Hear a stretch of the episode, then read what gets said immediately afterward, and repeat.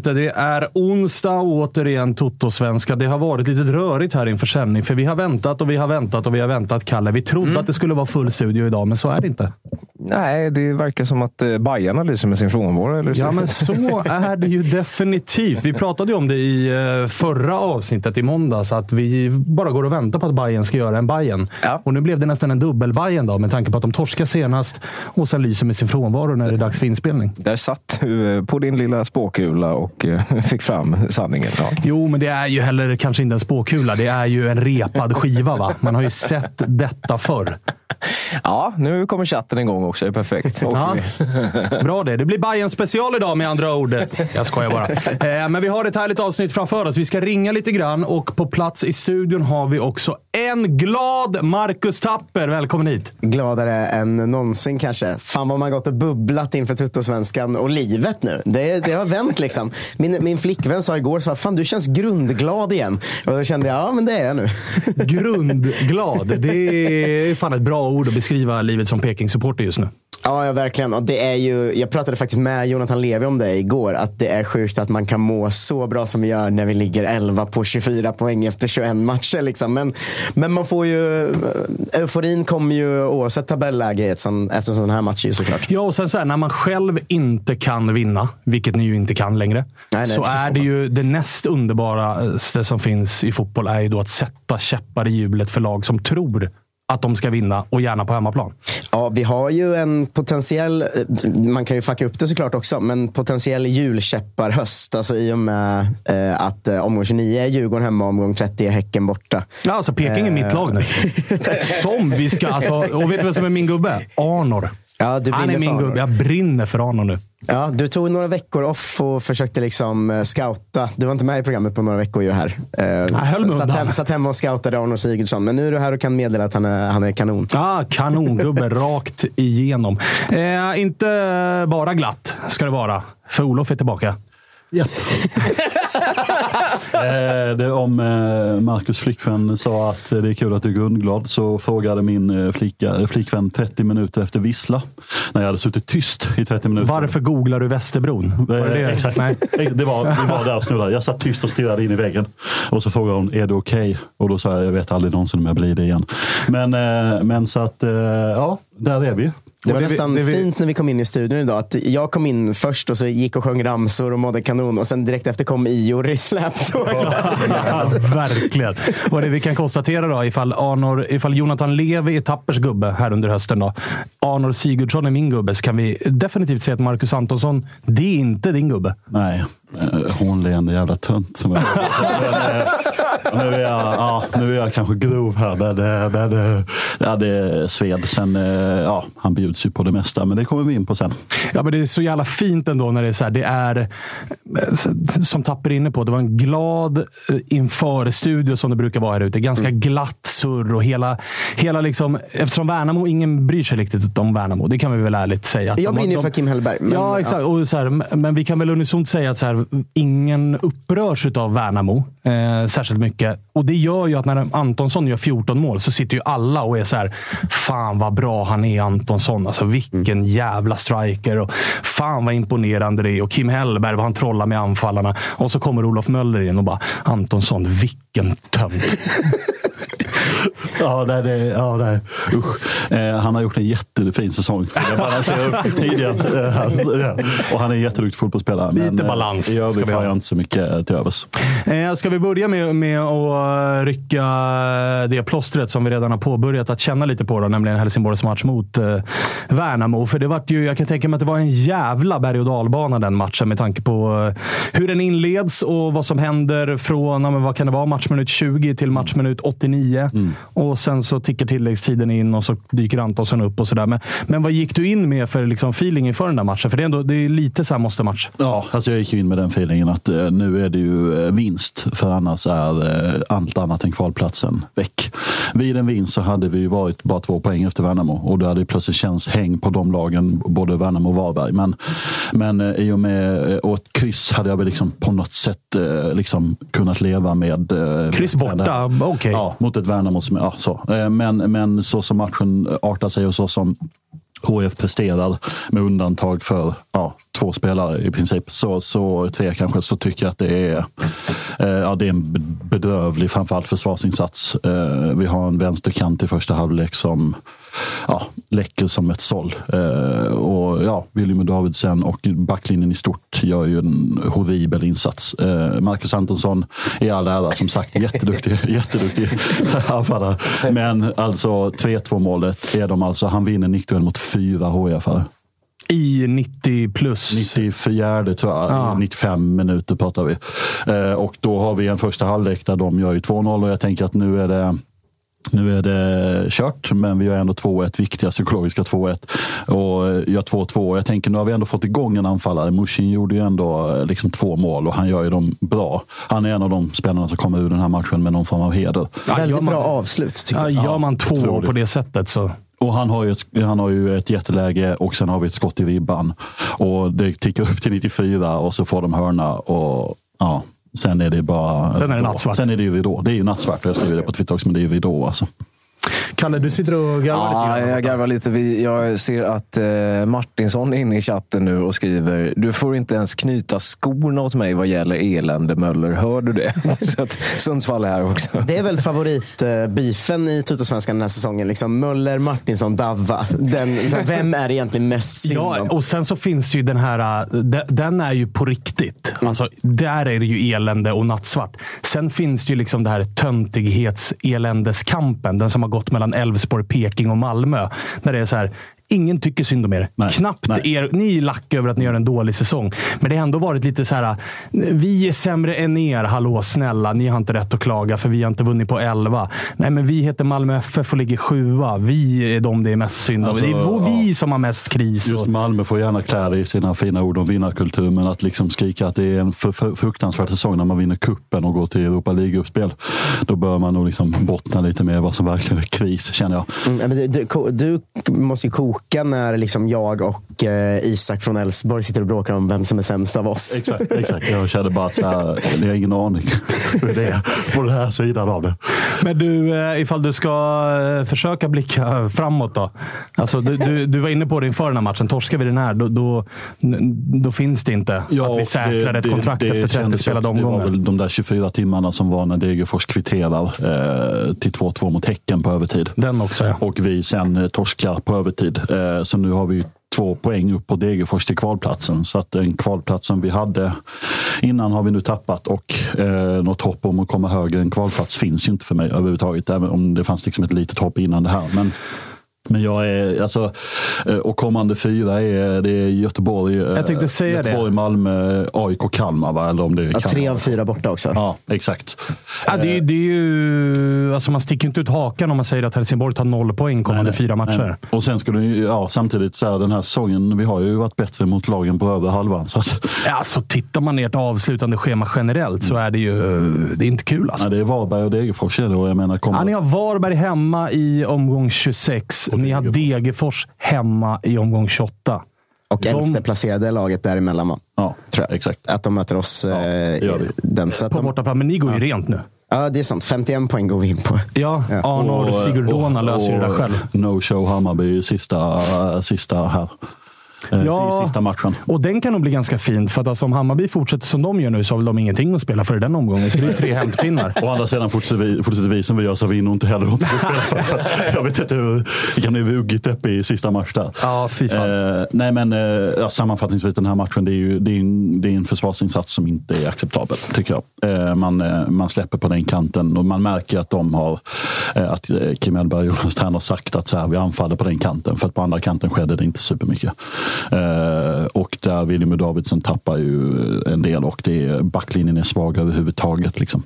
Eh, så att det är ju en, ja, och det är, det är också så, så fruktansvärt typiskt för att då när vi får igång Mushin som anfallare och han gör två mål.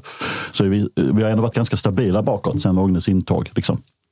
Och sen nu, kom, nu gör man liksom en kollektiv härdsmälta till försvarsinsats samtidigt som vi gör två mål fram. Alltså det är, ja, kan inte, fått- kan inte saker och ting bara stämma samtidigt? Man har ju fått liksom hjärnblödning för mindre så att säga. Så att det, nej, det, jag tycker det är en, det är en katastrofal insats. Hur mycket har du eh, börjat att, liksom, du har ju koll på Helsingborgs schema såklart, men hur mycket har du börjat även eh, alltså ordentligt syna eh, ja, Giffarna och Degerfors? Vad, vad de pysslar med, vilka de har att möta. Är det där du någonstans får hämta hopp, eller? Eh, alltså, apropå Martinssons kommentar inte för att sänka honom längre, men Giffarna har jag typ räknat bort från, eh, eh, liksom kvalstrids... Ah, Okej, så det, är- det är Degen och Varberg du ja, kikar på? och det är framförallt Degen. Eh, Degen har, jag ska säga så att jag har inte kollat så mycket på Ja, det är Degens fan schema. för det- sju poäng upp till Varberg. Ja, exakt. Nej, det är över. Ja, så att det är ju det är kvalplatsen vi går för. Eh, och att Sundsvall skulle ta sex poäng och hämta upp dem på Degerfors. Alltså, det tror jag inte. Så, att jag tror, så det är vi eller Degerfors som tar kvalplatsen. Och eh, ja, det ju, blir det ju kul sen åka på någon bortamatch mot typ Skövde eller någonting i, i kvalet. Ja, för att jag menar, inte för att vara sån, men Degerfors har ju faktiskt börjat sprattla lite grann. Alltså ta poäng borta mot Häcken och på sättet man gör det, visa moral. Eh, Omar Faraj gör mål, eh, hela den grejen. Det ser mörkt ut alltså. De tog ju 2-2 mot Häcken och vi fick ju den 5-0. Just det. Så att, eh, nej, men, eh, Just det. så att det ska bli jättekul nu. Avslutningen. Ja, men vi får passa på att bjuda in Olof mycket här på slutet. Då, för att mycket talar ju för att Olof inte är med i Toto-svenska nästa säsong. Jag kan vara, fly, jag kan vara flygande korve. Skövde, Skövde borta sen nästa säsong. Ja, jag och Josip pratar ju om liksom, eh, drömmen som är att Degerfors också åker i kval då och vi kan göra liksom, Tutto ettan nästa säsong. Eller- en, ett eller- avsnitt i månaden där bara Davva, Möller och eh, Martinsson. Martinsson får uppdatera om hur superettan-livet är. När alla tre klubbarna ligger på plats 11, 12 och 9 i superettan. Vad tyckte du om Utsiktens bortasektion? Exakt. Ja, vi, ska, vi kör en sån här specialavsnitt. Ragga borta sektion. Skövde bäst. Ah, fy fan. eh, ja, men, men eh, mörkt, men hej. Det är sjukare saker har hänt än att Helsingborg vinner två raka fotbollsmatcher. Ja, och jag, alltså, ja, jag st- står fast för att transferfönstret i somras var bra, men det ska ju också ge payoff. Liksom. Eh, och vi gjorde ju, det, det var ju du inne på när, när jag var med här på länk någon gång. Liksom, alltså, vi har ju gjort ett helt okej sommar, men sen har det ju liksom det är, ja, den här förlusten sitter så, alltså det var säsongens mörkaste stund. Liksom. Det satt så hårt. Liksom. Alltså precis som du sa, den här känslomässiga berg dalbanan, att man har gett upp typ en bit in i första halvlek och sen lyckas man inte upp till 2-2. Har ribba, har ett jätteläge och sen så får, han, får Antonsson nicka in den med fyra år. Alltså, ja. Är det inte också ett så här klassiskt åka ur lag-syndrom? Det här att antingen tappa sådana man kanske borde kryssat eller vunnit, men framförallt ta många hedersamma förluster. Alltså att Helsingborg har spelat ganska bra och sen vunnit, förlorat med uddamålet. Mycket, jättemycket i våras ju framförallt. Men just det känns som en klassisk sån. Sådana lag brukar ha det tufft att klara sig kvar. Liksom, när man precis förlorar eller precis kryssar alla matcher man kanske hade kunnat ta poäng i. Liksom. Ja, och det är lite så här, eh, senaste två innan det här var ju, vi, eller vi mötte ju Sirius så var ju det bättre laget, liksom, förutom spetsen, från 0-0 där. Möter Mjällby, står upp, alltså lika bra som Mjällby, saknar spets, släpper in i 81. Eh, Djurgården i våras hade vi 2-0, tappat till 2-2 i 92. AIK leder i 1-0 i paus. Ja, eh, Mjällby borta, står 0-0 i 82, vi, eh, fram till 82. De gör 1-0. Alltså, eller om det var 2-1, jag kommer inte ihåg. Men alltså, vi tappar många liksom, i sena och det är ju, alltså, Hade vi bara tagit poäng i de matcherna. Det är ju- Vi hade varit uppe vid Varberg och Ja, Värnamo och jag menar det varit är liksom ju eh, inte bara kvalitet, utan det handlar om erfarenhet och inställning Exakt. också. Att släppa in en hörna i... För det man vet är ju så här, det ska typ till någonting som ger ja, men, fyra år på kåken för att domaren ska blåsa straff till Värnamo i en sån situation. Med andra ord, den bollen ska bara bort. Eller så här, den ska inte ens bort. Antonsson ska inte tillåtas Nej, nicka exakt. den bollen. Exakt. Och man tillåter det och så står det 3-2 och så är det 0 nya poäng. Ja, det är mörkt. Ja, det är ja, ja, svag analys av mig känner jag, men det är bara sånt jävla mörker som bara kom över mig. Ja, ja, ja, det- När jag kom in. Men ja, nej, det är så att det är... Ja, och så eh, Skånederby och Göteborg borta och AIK borta och Kalmar borta. Ja. Kalmar som är svag form nu också, så att det är skönt att möta dem nu när de inte vinner någonting och sådär. går lite När dåligt. de bara radar upp 1-0 Exakt, segrar på exakt. varandra och är sådär Kalmaräckliga som bara de kan vara. Exakt. Nej, fy eh, fan Mm. eh, med andra ord. Men eh, ska vi släppa... Du får sitta och vara lite mörk här nu Mm. ett tag. Vi ska gå över till lite ljusare människor, nämligen Marcus Tapper. För det var en jävla match. Vi snackade ju upp den ganska rejält i måndags Mm. och man hade ju stora förväntningar på den. Alltså spelmässigt. Att det är så här, Peking Vi vet vad de har för spelare. Vi vet att det finns en offensiv kvalitet i laget. Vi vet också att det läcker ganska mycket bakåt. Och Bayern som är liksom, eh, ja men det är tiki-taka och 80 procent boll och, och hela den här grejen. Och Walter satt ju här och bara passar oss jättebra att de står högt och vill spela fotboll. Vi kommer spela sönder dem och sådär. Mm. Första halvlek sådär. Andra halvlek blev det sannoliken en jävla match. Ja, i halvlek känner man ju verkligen att så här, gud, det här är... Det påminner lite om Malmö-matchen i somras tyckte jag. Att känslan var så här, ah, det här blir ju 2 eller 3-0 och inget mer. Alltså, det, Bayern var bättre. De skapar ju inte jättemycket, men var ju ändå tydligt att det här kommer Bayern vinna, känner man ju i, i halvtid. Han är liksom. nummer större. Ja, exakt. Uh, och sen så... Ja, det är nästan svårt att vara med på vad som händer. För det är ju också det här, man pratar ju alltid om psykologiska mål. Jag vet inte vad det betyder ens, knappt. Men Bayern gör ju sitt i 42, 43 eh, i första halvlek. Där. Och då, då, har ju vi hållit 0-0 fram tills dess. Men när det kommer så sent så känner man ju att fan, det här, våra spelare är redan rätt nedtryckta av den här säsongen. Det här kan ju rinna iväg. Liksom. Sen gör ju vi ett lika viktigt, liksom, fem, sju minuter eller vad det nu är, in i, i andra halvlek kommer ju straffen och eh, målet. Och sen är det ju Alltså det, det går ju knappt fatta vad som händer. Det är som att man sköljdes över att, av att så här, just det, så här spelade vi fotboll förr. Liksom. Det var ju som att vi skickades tillbaka tre år i tiden liksom, och såg ett IFK som det var förut. Som liksom skapar lägen och böljar framåt och har roliga anfallsspelare. och liksom Det händer grejer. Sen är det ju skakigt. Vid 2-1 så... Ja, det är, alltså, det, det är det ju. Bayern skulle mycket väl kunna få in två, två där. Deras momentum bryts ju, som vi pratade om innan sändningen, var tredje minut av att deras egna supportrar kastar in saker på plan. Det känns lite korkat, eh, får man ju säga. Ja, sannerligen. Alltså, Spel, det där vi, spelförståelsen ja, men Vi har ju pratat ja. om spelförstående kurvor, eller kortsidor, eller bortasektioner, vad det är, tidigare i programmet. Och det här var ju ett prov på...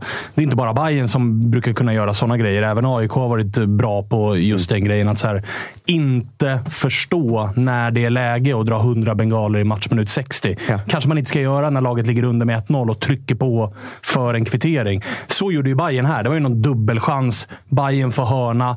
Man kände att nu börjar det osa katt. Mm. Äh, då bestämmer sig folk för att dra in 500 tändare mot målvakten och så är det avbrutet i fem minuter. Ja, och någon slängde in någon banger någon gång och vad det var. Eh, men det, det som... Det, det avbröts ju tre gånger mm. av att bayern supportrar slängde in saker. Och alla gånger var ju när Bayern hade lyckats etablera tryck på oss, kändes det som. Så det, det kändes väldigt, väldigt korkat.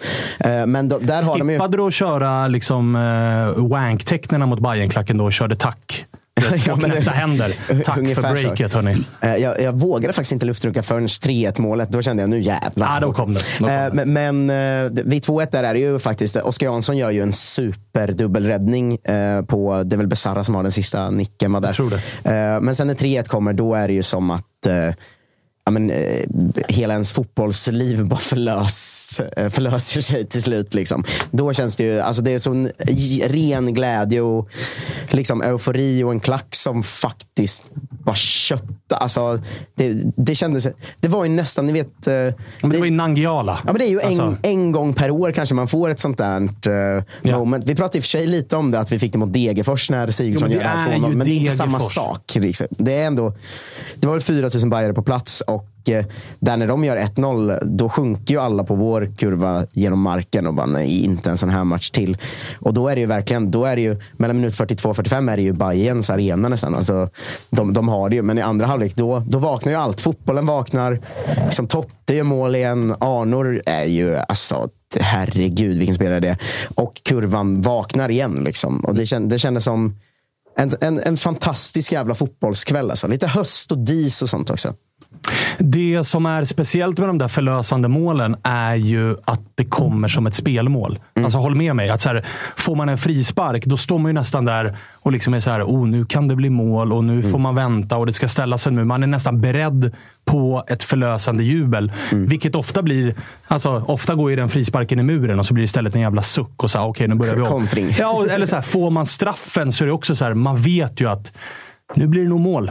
För mm. att det är straff och 9 av 10 går i mål eller vad fan det är. Ja. Men att få spelmålet och dessutom få spelmålet av sin kapten, fanbärare, som inte kör en tap-in i öppet mål. Utan som skyfflar upp, upp en vänster efter att ha lurat upp två bajare på läktaren. Drar den liksom ribbkryss in. Mm de målen är ju speciella. Ja, och det var ju, det syntes ju också på Totte vad det betydde för honom. Liksom. Alltså, Verkligen. Han höll på att slå liksom, hål på sitt eget bröst i firandet kändes det som. Och sen kommer ju 4-1 också. Då är, det bara, då är det bara fest. Alla står ju bara och, och dansar och skriker och är så här, vad händer? Du vet. Man började krama främlingar på kurvan igen. Det var länge sedan Ah, ja, det var ja, krama den främlingar-läge. Liksom. Eh, men det, det var väldigt kul och det visar ju också, om man, om man ska ta andra sidan av det här myntet, så visar det också att det är ganska sjukt att vi har gjort en sån säsong som vi har gjort. För kollar man vår, alltså det är så mycket kvalitet och så mycket klassspelare som, som inte har vaknat förrän liksom andra halvlek nu. För att ett anfall med Levi, Arnor och Totte och där bakom Traustason, Ortmark. Det är ju helt bisarrt att vi typ inte gjort mål den här säsongen och ligger på elfte plats. Framförallt när det är så pass framtungt. Det är inte ja. en spelare där av de eh, vad är det, sex du nämner som kan stava till defensiv. Nej men exakt, det är ju verkligen. Sen, sen ska man säga att Traustason och Sigurdsson kom ju i, i somras Exakt. så de har inte varit med hela vägen. Men, men det, det var Ishak där inne, alltså, det var ingen, ingen Nej, nej, det ingen dålig, men- Eh, Men, men det är ju verkligen så här, eh, ja, men det var nog en känsla som jag tyckte delades av alla som var att vad fan har vi inte spelat så här för? Delat med Yes, vi spelar så här igen. Så att det, det kändes som en kväll av framtidshopp. Liksom. Och eh, det var ju mäktigt. Alla, ingen åkte ju hem. Alla gick ut och firade. Det var ju liksom eh, första gången på flera år vi får fira någonting. Ja, du var ute och söp med laget. Ja, när, när några av grabbarna hamnade på stan. De var glada över att de har en tränare som eh, är dansk och tillåter det efter vinst. Eh, men det var, det var riktig fest. Jag slutade, det var, har ett vagt minne av att jag spydde i en park klockan fyra på en måndag. Det, det, så, Då så, är, eh, då är eh, den allsvenska hösten här. Exakt. Klass och stil. Spritpicknick med Rebecca på media och någon tifo-kille. Vet du. Eh, På tal om tifo-kille, jävla koreografi igen. Den där kortsidan har koreografimässigt, måste väl göra sin bästa säsong va?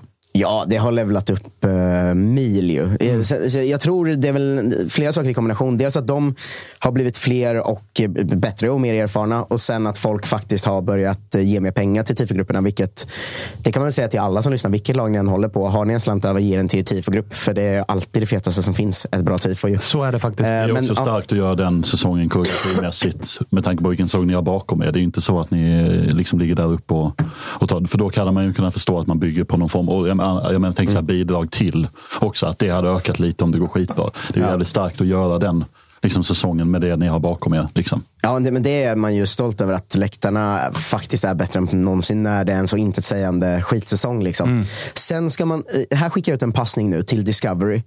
Sluta micka upp bara bortaklacken när man möter Stockholmslag hemma. Alltså jag kollade om sändningen och man hör alltså killar prata i Bajenklacken men man hör inte hemmaklackens trumma ens. Då är det lite konstigt Men det har varit problem innan jag på, eh, på er. Alltså, för jag, Jag blir det, galen. Ja, det, är, det är så jävla konstigt. Så här, inmarsch från, eh, för de lägger ju alltid upp de här. Inmarsch från oss arenan. Ja. Och så lägger de upp för det så man bara, man bara inmarsch från Tele2 eller från Ja, superfett tifo. Jag var Ja. där. Jag vet att folk sjöng Ja, och det slogs på saker. Men det man hör i Discovery sändning är någon kille som är så "Ge- slå på sen, ska vi gå och köpa korv? typ. Alltså det är för dåligt alltså. Lös det där Discovery.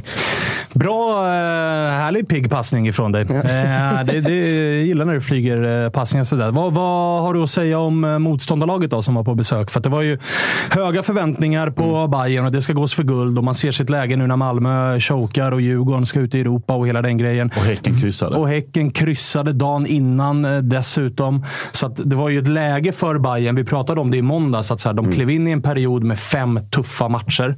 Eh, säga vad man vill om Norrköpings säsong, men det är alltid tufft att åka till, till eh, parken och spela. Men eh, nu har de tagit en poäng på de här två och det går väl att argumentera för att så här, av de här fem matcherna så har de kanske mött de två enklaste av de fem hittills med tanke på läget man möter AIK i, som är skadeskjutna, sparkad tränare, har eh, knappt en full trupp att tillgå och hela den grejen. Och läget Peking är i formmässigt, tabellmässigt och så, så är ju det kanske de lättaste matcherna. Därifrån kommer man med en pinne. Nu väntar Häcken, Djurgården och eh, Malmö i de, i de tre kommande. Men, men eh, vad säger du om Bayern? Eh, jag har en bild av att det är felfokus hos Bayerns spelare. Alltså efter matchen kändes det som att deras förklaring till varför det gick som det gick var så här. Ja, vi kanske, vi har redan börjat snacka guld och Häcken tappade poäng. Och, alltså, det- det kändes som att de trodde kanske att de ska gå in och städa av saker och gå mot guld nu. Och det är ju helt, det, vadå, tio matcher kvar eh, liksom inför matchen igår, eller nio eller vad det nu är. Lugn. Ja, alltså, ni, ni, ni ligger- leder ju inte ens tabellen. Alltså, det måste ändå vara ett lag som ska gå in och tänka nu är det här en match, vi ska vinna den här matchen. Det kan inte vara ett gäng som springer runt och tänker ah, vi, vi tar guld i höst. Det, det är ju helt fel Speciellt tänk, inte när man liksom. inte har supermycket gulderfarenhet som klubb. Eller, alltså, Nej, men det kanske är därför det blir så också. Ja. Det, det kan det ju verkligen vara. Men det, bilden är nog att eh, det, det var någon slags underskattning och tanke av att städa av matchen. Och vilket de ju också höll på att göra, ska man ju säga. Men när 1-1 målet kommer, att det då blev nervöst och hattigt och liksom oj, vi håller på att tappa det här nu. Och sen kommer 2-1 målet ganska snabbt och då kändes de, de kändes inte redo för eh, uppgiften att faktiskt behöva kriga till sig vinsten här. Utan det kändes mycket som att deras spelare var in, inne på att ja, det här är en match vi städar av på vår resa mot guldet. Liksom. Och har man det fokuset tror jag inte man tar guld. Jag tyckte också, intressant spaning och jag håller faktiskt med dig i den. För jag reagerade på halvtidsintervjun. Jag tror att det var Nahir Besara som gjorde den. Och jag tyckte också att det var en så här, det var en lite väl hög svansföring. Och lite, alltså så här, jag kommer verkligen ifrån en klubb där vi har haft en huvudtränare som hela tiden har pratat om att ha respekt för motståndet. Kanske lite väl mycket. Alltså de gångerna AIK har mött typ Skendia så har det varit så här retoriken från AIK-håll och framförallt från huvudtränarens håll har varit det här är ett otroligt bra fotbollslag och vi ska ha stor respekt och hit och dit. Det pendlade liksom över till att vara för mycket. Att säga, hallå, vi är väl också ganska bra själva. Vi möter ett gäng deltidssnickare från Nordmakedonien. Kanske att vi inte ska anpassa hela vår spelidé efter vad de gör. Men jag uppfattar nästan Bayerns retorik som att så här, vi är totalt överlägsna. Det spelar väl ingen roll vad de har för spel eller vad de vill göra på planen. Gör vi bara vår grej så kommer vi vinna varje match med 3-0. Mm. Det var nästan, det kanske inte är så de menar, men det var lite så det lät. Och det var det också lite så, så- Mm. det kändes efter matchen också. Att så här, ja, det är bara, det är bara vår eget, vårt eget fel att vi förlorar den här matchen. Det motståndarna var inte bättre än oss. De gjorde ingenting bra, utan det var bara vi själva som var dåliga. Ja, och fullt så eh, rakt så ut är det ju inte, som man förtydligar så inte Bajarna kommer att eh, halshugga Nej, men de hugger ju med ändå. Eh, det- Men, men, men jag tyckte både så här, Jas, tror jag var, och Saidi i intervjun efter matchen pratade om det som inte som att de faktiskt hade förlorat en match, utan snarare som att oj, vi snubblar till lite, men nu fortsätter sådär. Och jag, jag tror att det är fel tankesätt från dem att ha. Liksom. Eh, jag menar, Saidi hade ju också en riktigt svag utläggning om att eh, hur är det inför eh, derbyt i helgen. Och att han var så här, det mesta talar för oss. För, ja, kolla på den här matchen, vi, vi, det är en, vi är inte ett sånt lag som brukar göra så här. Bara, vad menar du med det? Eller, vad, vad, vad talar för er? Djurgården vann mot Sirius supertryggt borta och ni förlorar med 4-1. Vad talar för er? Djurgården är före er i tabellen. De är ute i Europa. Ja, men de har fel fokus. de har en eh, spelarna, dundersäsong eller? bakom sig. Ja, de har 19 raka utan torsk. Alltså. Ja, men jag, jag, jag tror att det är fel fokus. Alltså. Det de ska göra nu är att ta varje match och veta att så här, vi har en jävligt bra chans att landa topp tre. Vi kan blanda oss inom guldet om allt går bra. Det är där Hammarbys fokus måste ligga. Hammarbys fokus kan inte ligga på nu ska vi städa av saker och ta guld, för så är inte läget. Liksom. Sen hej, ska vi nämna att det är små jävla marginaler. Det är som du säger. Oskar Jansson gör en jävla dunder-dubbelräddning. Får Bayern 2-2 där. Ah, vem vet? För att i andra halvlek så var det en match som fan i mig i långa stunder verkligen hade kunnat sluta lite hur som helst. An- Lagen bytte ju anfall med varandra och det kändes som att när som helst ringer det. Jag har ingen aning om i vilket mål, men det kommer, vi kommer att vinna det här ikväll. Ja, så men Bayern hade fan- kunnat vinna det, men när man torskar med 4-1, hej. Alltså, Men ett läge och- frågetecken eh, som man ska slänga ut, kanske eh, inte bara baserat på den här matchen utan de senaste månaderna, är ju Hammarbys backlinje lite. De har ju varit lag som har släppt in minst mål allt där. Mm. Men Kurtulus ser ju inte ut att vara på samma plats som han var i våras. Nej, och det var ju fan Och, en stark eh, span. Walter ville ju bänka honom den här Ja. matchen för att så här, formen är inte bra och han kostar ju fan två mål. Ja, och eh, alltså ett eh, det är ju en...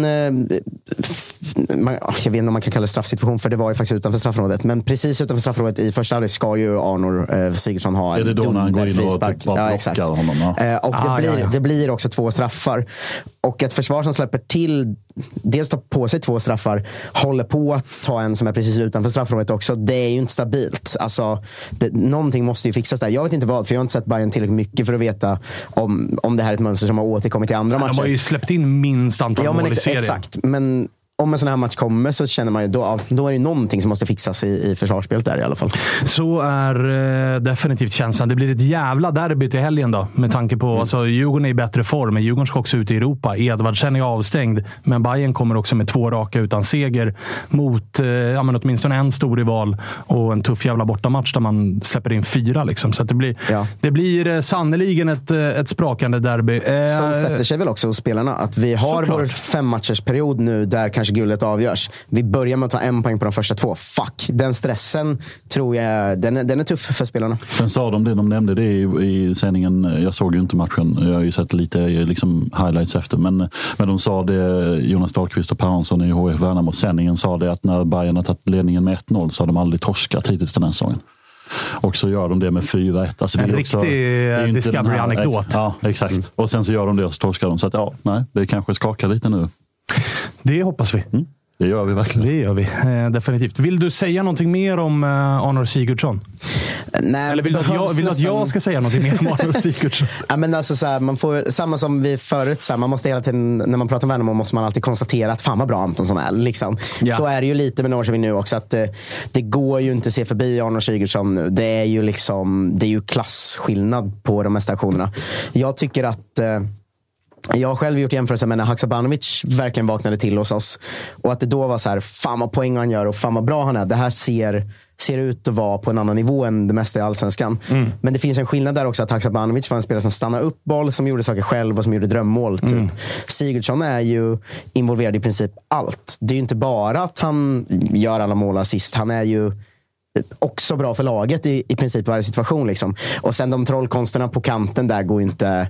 Alltså herregud. Det, jag, Nej, det var en stuga. Jag, ja, jag tittat på den videon. Det var en stuga. Det får man lov att ja, säga. 120 gånger tror jag jag tittat ja, på den videon. Det, det, jag tror inte det räcker. Nej, det, alltså den är... Och jag vill inte ja. veta vad du gör när du är ensam i den där videon. Det tror jag att vi sparar. Ja. Eh, det, det får tittarna och Jag och den videon i jacuzzin. Ni kan se er framför vi, mig. Vi vill inte se det framför oss, men, men eh, om vi blundar så kan vi nog göra det. Eh, så, jag håller med. Receptet här är att sänka Arne Sigurdsson i typ andra matcher. Ja, eller att göra... Jag, jag vet inte, man får väl ringa Henok Goitom och fråga hur man plockar bort honom. För det lyckades Henok ganska bra med i en halvlek. Och på den halvleken så lyckades jag författa en tweet där tanken var att göra mig lite lustig över hans skådespelaregenskaper. Det har fått folk tro att jag tycker att det är en urusel fotbollsspelare. Det, det tycker jag sannerligen inte att han är. Jag tycker att han är en jävligt bra fotbollsspelare. Och jag tycker mig se också att han trivs alldeles underbart på plastgräs. Mm. Eh, det är min lilla spaning. Men att han är en fantastisk spelare, det skriver jag under på mm. precis alla dagar hela veckan lång. Men nu börjar man ju känna att han blir inte kvar efter lånet. Alltså om han gör ett jag år... tror inte ens att han startar säsongen med er nästa år. Hur funkar det med lån? Kan de avbryta lånet Själv, för att sälja honom? Klart kan de ja, göra det. Fan också. Själv, Hur länge sträcker sig lånet? I, nästa sommar. Nästa sommar. Men grejen är att han är, han är väl lite... Det är ju trött att säga att någon är liksom för bra för allsvenskan, så det är inte det jag säger. Men han är ju på en annan nivå än väldigt många andra. Det, syns, det finns något internationellt i hela hans eh, sätt att både röra sig och föra boll. Liksom. Alltså det, det är något annat. Liksom. Och Det kan du väl också bekräfta för våra tittare och lyssnare att Eh, han tycker själv också, alltså utanför planen. Så ah, ja. Han har ju en svansföring som är så här, han vet om att han är jävligt bra. Han har den svansföringen som han ser ut att ha. Ja. Exakt den svansföringen har Ödmjuk är inte rätt ord nej, att beskriva det med. Han vet att han är jävligt bra och eh, han är nog inte sen att berätta det heller tror jag. Nej, känns, eh, känns alltså på planen väldigt icke-sympatisk. Ja, på plan, det... alltså så här, hade, inte, hade inte Vincent till tagit rött kort mot honom då hade ju Sebastian Larsson gjort det. Ja, alltså, ja men det är verkligen så här, det, där är ju, det där är ju spelaren som en, en spelartyp som Sebastian Larsson ogillar mest att möta. Ja. En liksom blond, långhårig, kör både tofs och hårband. Ja. Sular bollen hela tiden. Då känner ju Sebastian Larsson att det ska kapa i midjan. Varje gång en spelare kommer springande mot honom så börjar man ju nästan garva för att han gör den här klassiska lobba bollen lite åt sidan, vända ryggen emot, ramla, få frispark. Alltså varenda ah, ja. situation. Men han är alltså Ja, det, det, är ju, det är ju verkligen en Jag hade nog kokat om vi mötte ett lag som hade någon som var så bra och spelade så mycket liksom, fulspel och snack med domaren och allt det Du där. hade ju måljublat när någon i ditt lag sänker honom. ja, men typ. Men att ha en sån spelare i sitt lag, det vet vi alla hur mycket man brinner för. Alltså, det är ju, varje gång han fixar en sån frispark så börjar ju liksom kurvan koka. älskar grisen ja, i sitt eget lag. Ja. Exakt. Eh, men ja, eh, jag kan inte nog säga hur mycket jag älskar Arnor Sigurdsson. Nej, det, det har vi förstått. Han är på väg att få en jävla status i uh, IFK Norrköpingland. Om han inte redan har det. Det har han säkerligen hos vissa. Eh, vi ska snacka lite Elfsborg också. Isak Irén ska jag ringa nu. Kalle, du får med mig här med tekniken så att jag gör uh, rätt här. Så att det blir bra. Både för de som tittar och för de som lyssnar. För även glädje har det varit i Elfsborg led efter en tung period. Vi sa ju det senast, att det påminner lite grann Elfsborg och Norrköping. Två lag med bra trupp, bra tränare, kliver in i säsongen med stora förväntningar på sig men där eh, chokarna har ja, men löst av varandra lite grann här under säsongen. Vi får se ifall Isak svarar. Jag hoppas det, för det vore kul att höra. Det var ju fan banderoller på arenan mm. om att eh, Thelin ska avgå förtroendet är tappat och, och vad fan det stod. Eh, så vi får se vad han har att säga om det. det. Det svängde ju, enligt i alla fall vad jag har sett, så efter den här segern så har det ju typ varit så här. Kontroll all delete. Vi låtsas som att de där banderollerna aldrig dök upp. Intelin we trust. Nu går vi framåt. Eh, så det, det, ska bli jävligt spännande att höra. Vi får se om han svarar. Mm. Nu, nu håller August på att jiddra här också. Framförallt var det ju den där innan var det väl när vi har fullt förtroende. Ah, vi, ska ringa, vi ska ringa Isak eh, efter eh, 15. Eh, fortsätt Olof. Framförallt var det väl den där inf inför matchen var det den här eh, vi har fullt förtroende för Thelin-grejen som alltid kommer från klubbhåll. Mm. Och det var väl liksom, då har man väl, när, man, när klubben går ut och säger det så har man väl inget förtroende kvar. Det är väl det som den där klyschan brukar liksom heta. Ja, vi har väl haft rätt med det nästan alla gånger i år va? Att när man har kunnat se på klubben att tränaren snart får sparken. Jag tror ja. jag hade rätt på liksom, Norling och på Bartos och på eh, Ånstrand i Sundsvall. Så att, eh, eh ja, han, och Milos. Mm, ja, och Milos. Milos. Det var ju bara Josip som satt kvar. Han satt ju kvar ensam i den där jollen till slut. Ja, och var liksom, nej, nej, nej. Milos ska ingenstans. Eh, Josip som för övrigt är på väg till studion. Ah, han kommer in i studion? Ja. Yes, då blir det AV för mig då. Ja, nice. Fan vad fint. Fan vad fint. Eh, vi ringer eh, Patrik istället från BB-podd och kollar ifall eh, vi får något svar där. För nu är det ju ett eh, Blåvitt som återigen ska vinna guld. Patrik, läget? Hej på dig! Det är bra. Jag har solbrillor på mig. Det måste jag ta med. Jag ser ut som Marcus Tapper. ja, men kamratföreningarna går ju som tåget nu. Ja, ja, ja. Ja, så är det. Så är det. Du, jag, jag, fan vad jag kände med dig, Marcus, när det här hemska wake-up-callet du fick. När du inser att eh, helt partiska Dplay eh, ändå kablar ut sanningen i tv. Att man kan prata i bortaklacken och det ändå överröstar kurvan. Ja, pigga när jag är på bantern i Göteborg alltid. du, eh, Patrik, hur mår du? Jag mår helt eh, otroligt jävla bra. Ja, bra. Det, det, det, är svårt att göra annat som Blåvitt just nu. Vi har ju gått så här, kräftgångsåren har ju liksom avlöst varandra och helt plötsligt så, så är vi med. Och, och det är som jag sagt, jag har inte ställt, eh, ställt in Färöarna nästa år och, och, eh, jag håller kvar vid det. Jag undrar också när jag ändå har Marcus Tapper på tråden så undrar jag när han ska swisha mig. Uh. För Marcus Tapper har lovat mig 20 baljer från Totte Nyman om han gör 20 mål. Är det uh, nej, 20, du, du... 20 starter. Tio baljer. Ja, tio, tio, han har väl gjort åtta nu. På nio matcher ska han göra två han mål. Sju, va? Ja, sju då kanske. Eh, Patrik ja. satte någon tusenlapp på att Totte Nyman skulle göra under tio mål. Men var det inte, alltså jag minns vadet som att det var Kalle Holmberg, Totte Nyman och någon till tillsammans. Alltså Patriks grundspaning var ju att John Guidetti, Totte och Kalle Holmberg inte gör över tio mål ihop. Det har de väl redan gjort? Jo, men jag gick nej, och sa de är, nej, nej, de är på nio mål. Det här jävla Ronke-gänget. Det är det jag säger. Det är lika bra att spela de jävla junisarna. Va? De här jävla profilerna, inte tio mål tillsammans på 21 omgångar. Det är ett sånt jävla superhaveri. Du, på tal om eh, vad då? Du och jag hade väl något vad om att eran supervärvning från Bundesliga, som minsann inte värvas skadad och kommer ifrån en av de fem stora ligorna. Han skulle ja. göra fler mål än John Guidetti. När hade han tänkt börja spela fotboll? Men han gör det i sista omgången, tänker jag. Ah, okay. och så, eh, så den, den lever ännu. okay. det, det, är det jag känner. Okay. Det, det, är en, det är en jävla märklig historia, det. men det viktigaste är ju att han inte kom skadad. Just jag kommer hävda det in i döden. Vi har inte tagit några dåliga värvningsbeslut sen våren och så är det bara med det. Härligt. Du, 4-1 eh, piskade ni på Mjällby med på bortaplan. Det var siffror som eh, kanske inte helt speglade matchbilden, men jävlar i mig var, var 4-1 borta mot Mjällby. Det slår ändå ganska högt på min radar. Ja, men det gör ju det. Och det, är liksom, där, det är en sån match som passar oss jävligt bra. Uh, det, är liksom, det, är en, det är en arbetsinsats som krävs för att göra det. Mjällby borta är ingen tiki-taka-historia, det vet ju alla om. Liksom. Uh, och där drog vi det längsta strået sen. Det var, jag var sjukt nöjd, i synnerhet när jag vet hur svårt det är att spela uh, Mjällby borta. Sen som du säger, alltså, Gustav Norlin gör två mål. Det, Gustav Norlin ska inte göra mål alls, på att säga.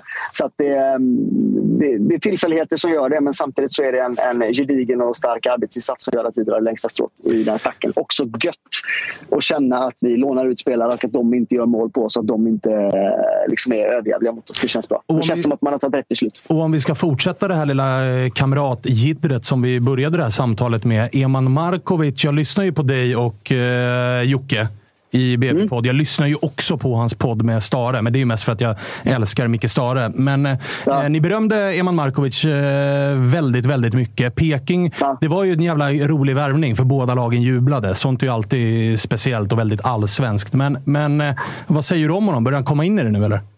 Ja, men det, det sätter sig mer och mer. Och sen så, den synken han får med Emil Salomonsson tycker jag den är ju någonting som vi inte haft tidigare. Och, och det är klart, när Eman Markovic då spelar ute till höger stora stunder av matchen och vi inte har Hossam Aiesh ute som gärna bromsar ner spelet för oss. Hossam är fantastisk på alla sätt och vis.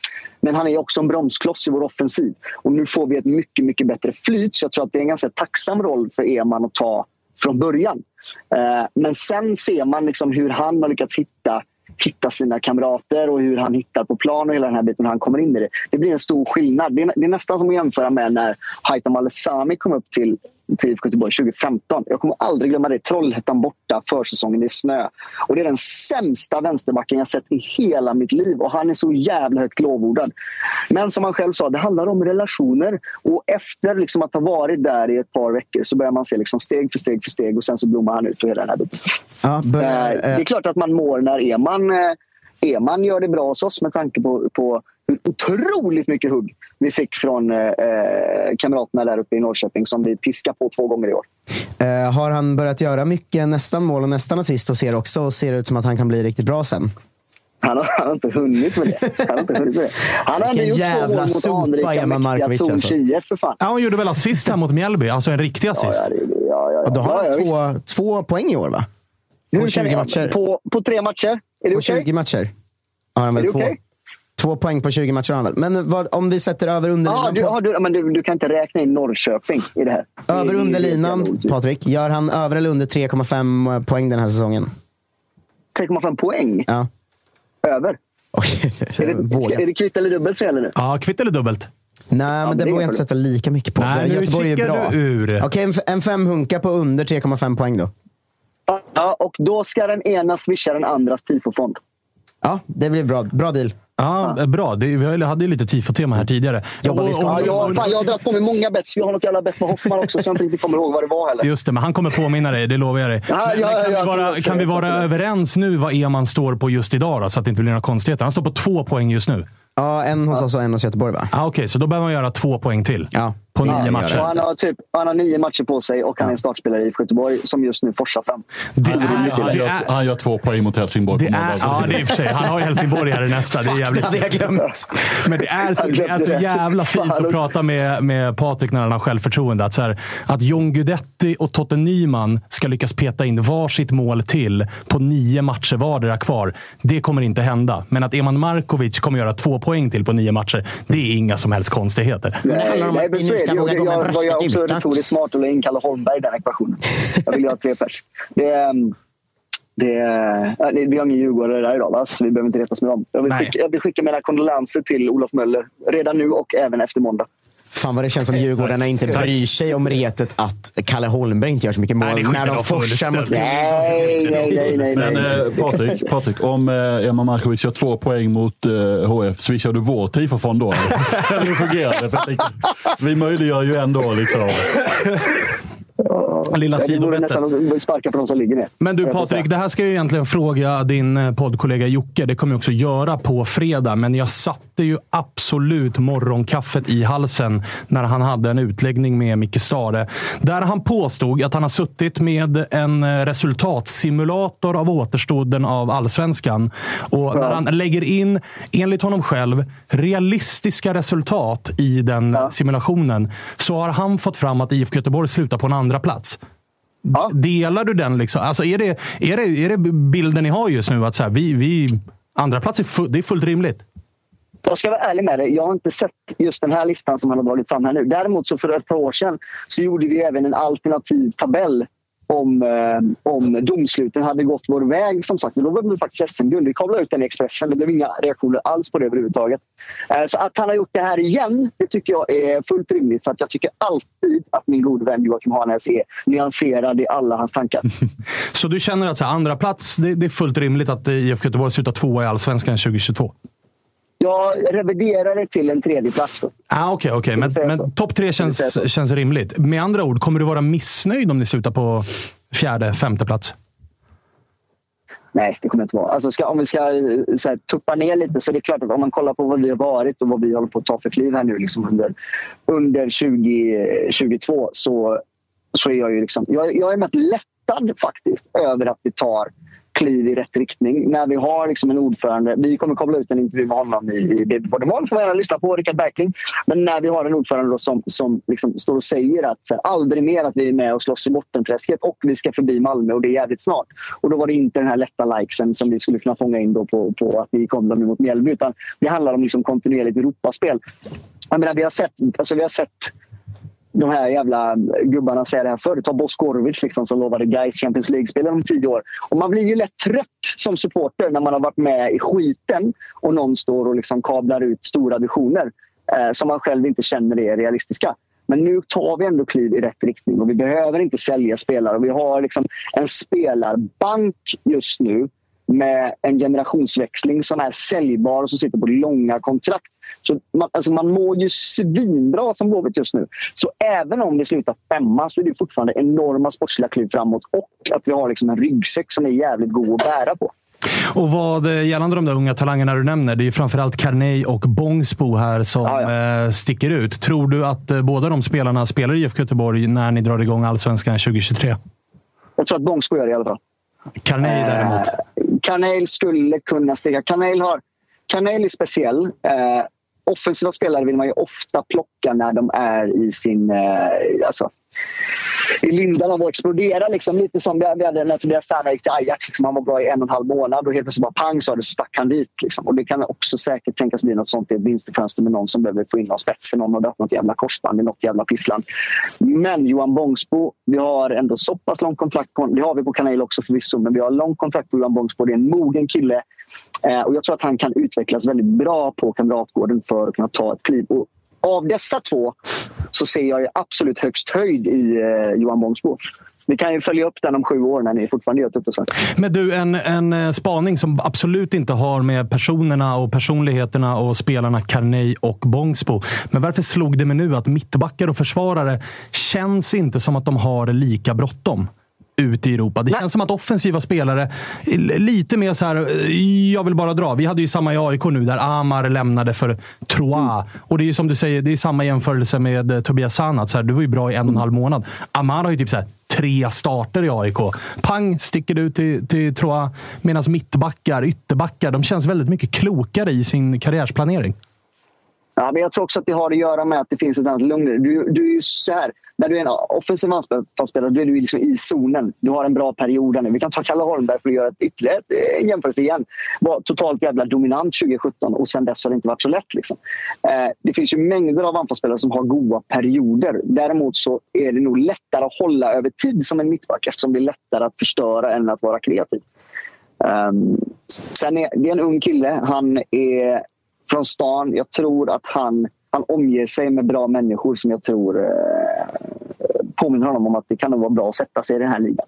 Sen absolut kommer de liksom från storligorna men det, och, och, eh, och slänger upp.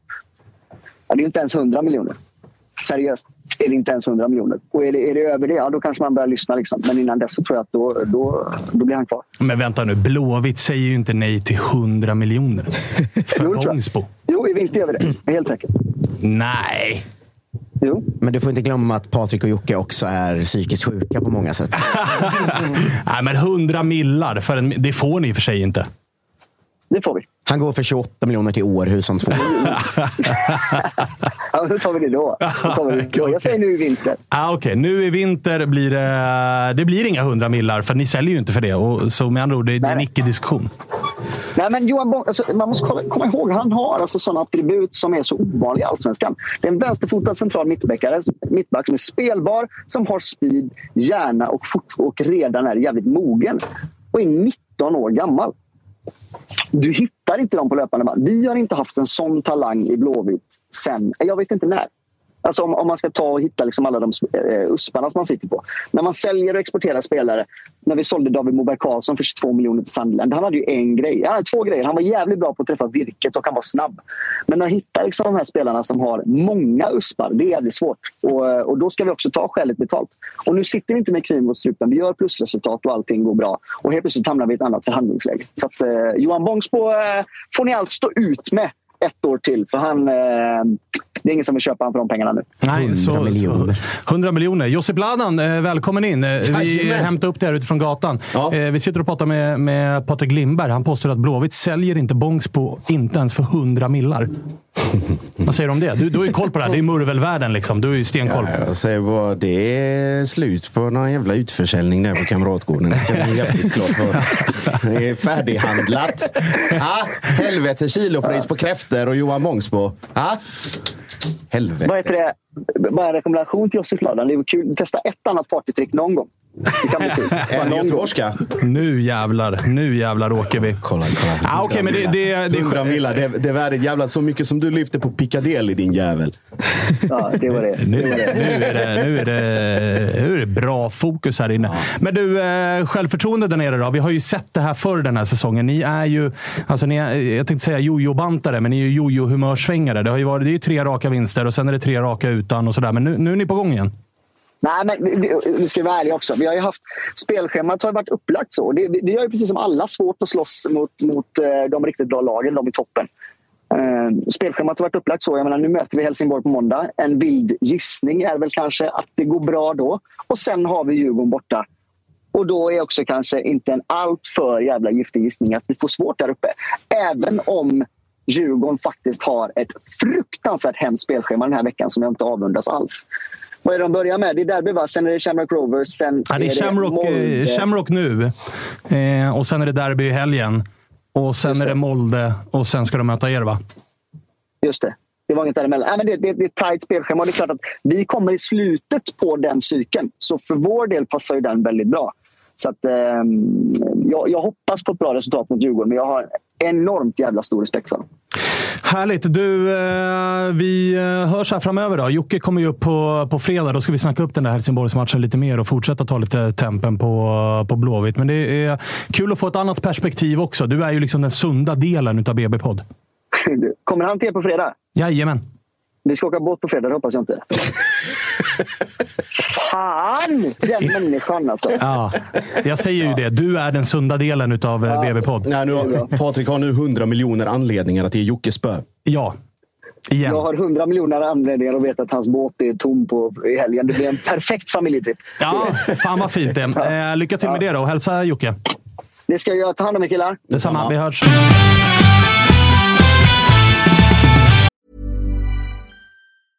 Totosvenskan är sponsrade av Aid. Och då kanske ni undrar, vad är det för någonting? Jo, det är en digital klinik för manlig hälsa från Sverige som drivs av att erbjuda seriös och bra behandling för manliga hälsoproblem. Och Det är grundat av exakt samma läkare som byggde Kry.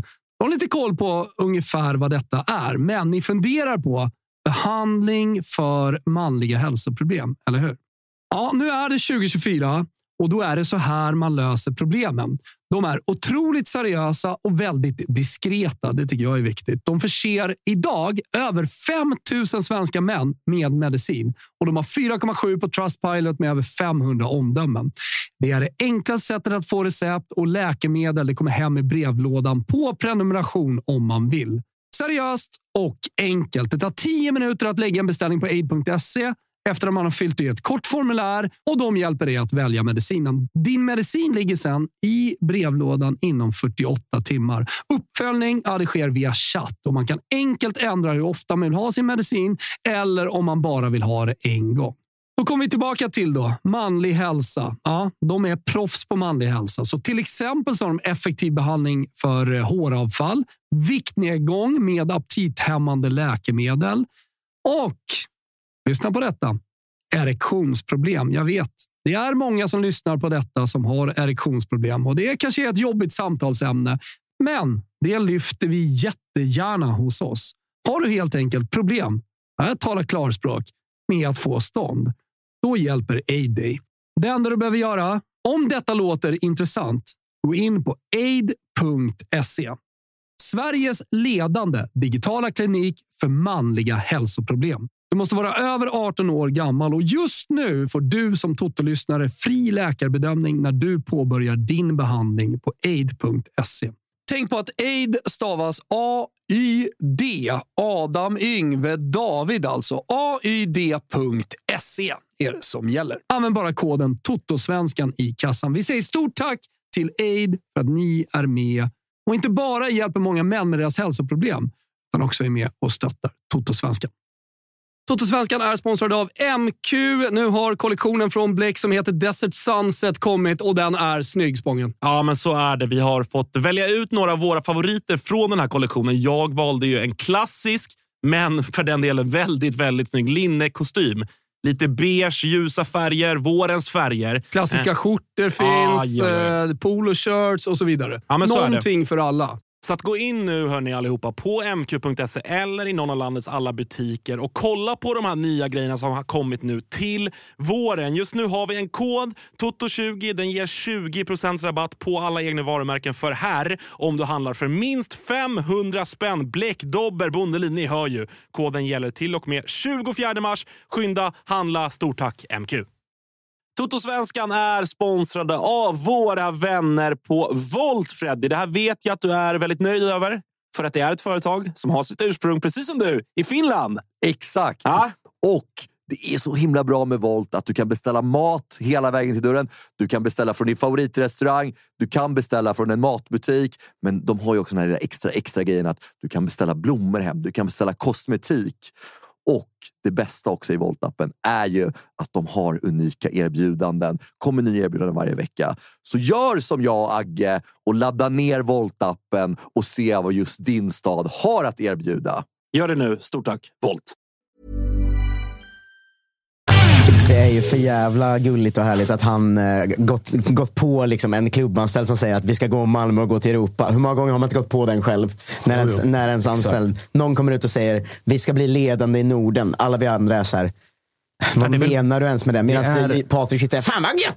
Det är väl bara egentligen, det är Patrik och alla vi aik som fortfarande tror på att det är eh, en rimlig Det är, målsättning. också, att, eh, det är också starkt att du säger att han är en sunda efter att han eh, sa att de skulle tacka nej till 100 miljoner. men det säger ju mer, det säger mer om Jocke. Ja, Ja, precis. Men vi borde göra ett specialavsnitt någon gång, kanske mellan säsongerna, där vi går igenom de tio senaste åren. Alla ordföranden och vd som sagt att vi ska ut i Europa, gå Malmö, bli ledande i Norden. All, allt det här. För jag tror att Det blir ett långt Ja, program. det är många sådana. Det måste vi dela upp i delar, känner jag direkt. Det låter som en definitivt antingen en plus eller premiumartikel. Trots löftena. Vad hände sen? Exakt, exakt så. Eh, som ni hör då, Josip Ladan har eh, hittat in i studion. Till att börja med, grattis till ett fett avslöjande. Tack så mycket. Först var du med Åge Hareide klar för återkomst till Malmö FF. Ja, jo, Eller? det får, jo det får jag väl säga. Visst fan var det det. Jonas Hansson var tidig på bollen också, men han, han jobbar ju som journalist så han behöver inte, eller de behöver vara 101% säkra innan de går ut. Det var ju bara uppgifter. Ja, precis. Du- det du var ju- det här ja, jag, var, jag var 100 eh, och eh, med god hjälp av eh, The Great Media, eh, de som vet, de vet, eh, så löste det sig. Så det var, det var skönt. Det var, också, det var ju kul nu när man är free agent också. Just det. Och bara så här, ja, Visa att det. du fortfarande är het. Ja, att man lever. Det är livstecken. Det var fina interna chattar efter att både jag och Josip kom med stora avslöjanden samma vecka. Vilken det. jävla breaking. Jag, jag kunde ju avslöja att eh, nya Linköpingsprojektet Intercontinental FK under ledning av Asamoah Gyan ju bland annat. Just det. Eh, de gick in och budade på att köpa Eskilstuna United i damallsvenskan. Fick nej, eh, tyvärr. Men, eh, Mm. Också breaking. Två starka breaking. Ja, två starka breaking. Finns ser ju en anledning till varför han är min agent. Jag säger det återigen. Ja, och eh, vi, vi hade ju dessutom liksom Toto-svenskans första akkreditering på plats på, på Strandvallen. Matchen med Mjällby-Göteborg. Du gör en jävla vecka som free agent. Ja, det här tåget går nu och Josip är konduktör. Ja, det får man lov att säga. Så Ja, det ge, får man lov att det, ge säga. det två veckor, sen sitter vi i diket. Oroa inte. Men du, eh, vad har du att säga då om att Malmö FF plockar tillbaks Åge Hareide? För att det, är ju, det var väl på tiden att det kom in en fotbollstränare som faktiskt är fotbollstränare. Eh, för att Georgssons eh, lilla verksamhet har ju inte varit jättelyckad. I alla fall inte sett till allsvenskt spel. Men det finns väl också, gissar jag, för det finns det väl alltid, en liten sån här plocka tillbaks en gammal ikon som har gjort de resultaten han har gjort. Det finns en, en gloria som sitter där, men som lätt hamnar på sniskan ifall det inte vill sig väl. Så att, vad, vad, känner du? Vad känner supporterhjärtat med att Åge är tillbaka? Ja, instinktiv, eh, liksom spontan glädje såklart. Alltså det, man märkte ju direkt på PKn och den som tvivlade en sekund på att eh, Hareide skulle vara som person i alla fall. Eh, mätt och trött och lite, lite förflummad av sin, sin pension är ju, var ju riktigt fel ute. Det var ju samma, samma, samma gamla Hareide-show. Det började väl egentligen på förmiddagen där efter tweeten. Där han säger till, eh, till Expressen att han sitter på en färja i Norge, vilket han inte gjorde. Och sen så har han inga kommentarer och sen ringer norsk media och då säger han plötsligt att ja, det är två månader vi pratar om så att det kan nog hända någonting. Och så ringer näst, VG, tror jag det var sist, som ringde, eller NRK. Eh, och då säger han att eh, ja, vi ska nog kunna, kunna komma överens under dagen. Så att bara där börjar ju showen och sen fortsätter ni in på, på presskonferenserna och sådär. Så att karisman och personligheten är det inget fel på. Sen ska det omsättas. Och eh, vad var det? Han fick ju frågor direkt på presskonferensen igår om typ så här. Ska du vända upp och ner på allting nu? Du har en dag på dig innan det är Braga hemma. Eh, och han sa väl att han skulle försöka så mycket han kunde och att nu blir det väldigt mycket rakt spel. Och antingen är det rakt spel på planen eller så är det rakt ut på bänken. Eh, fritt citerat.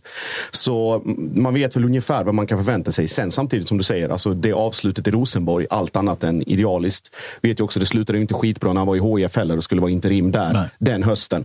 Så att det finns ju någonstans i bakhuvudet. Men samtidigt också om man ska hitta någonting positivt och försöka tänka någonstans liksom nyttigt utifrån hur den här säsongen har sett ut det är skillnad på Rosenborg och det är skillnad på HIF och det är skillnad på Malmö. Och framförallt meriterna som man hade i de olika klubbarna. Att nu finns det väldigt mycket mer på spel och då kommer han nog att gå den förhoppningsvis den kilometern eller milen extra som behövs för att kräma ur det sista som finns av MFF anno 2022 innan vi kan vända blad. Ja, för jag tänkte säga det, eller jag tänkte komma till det. Att så här, vad är...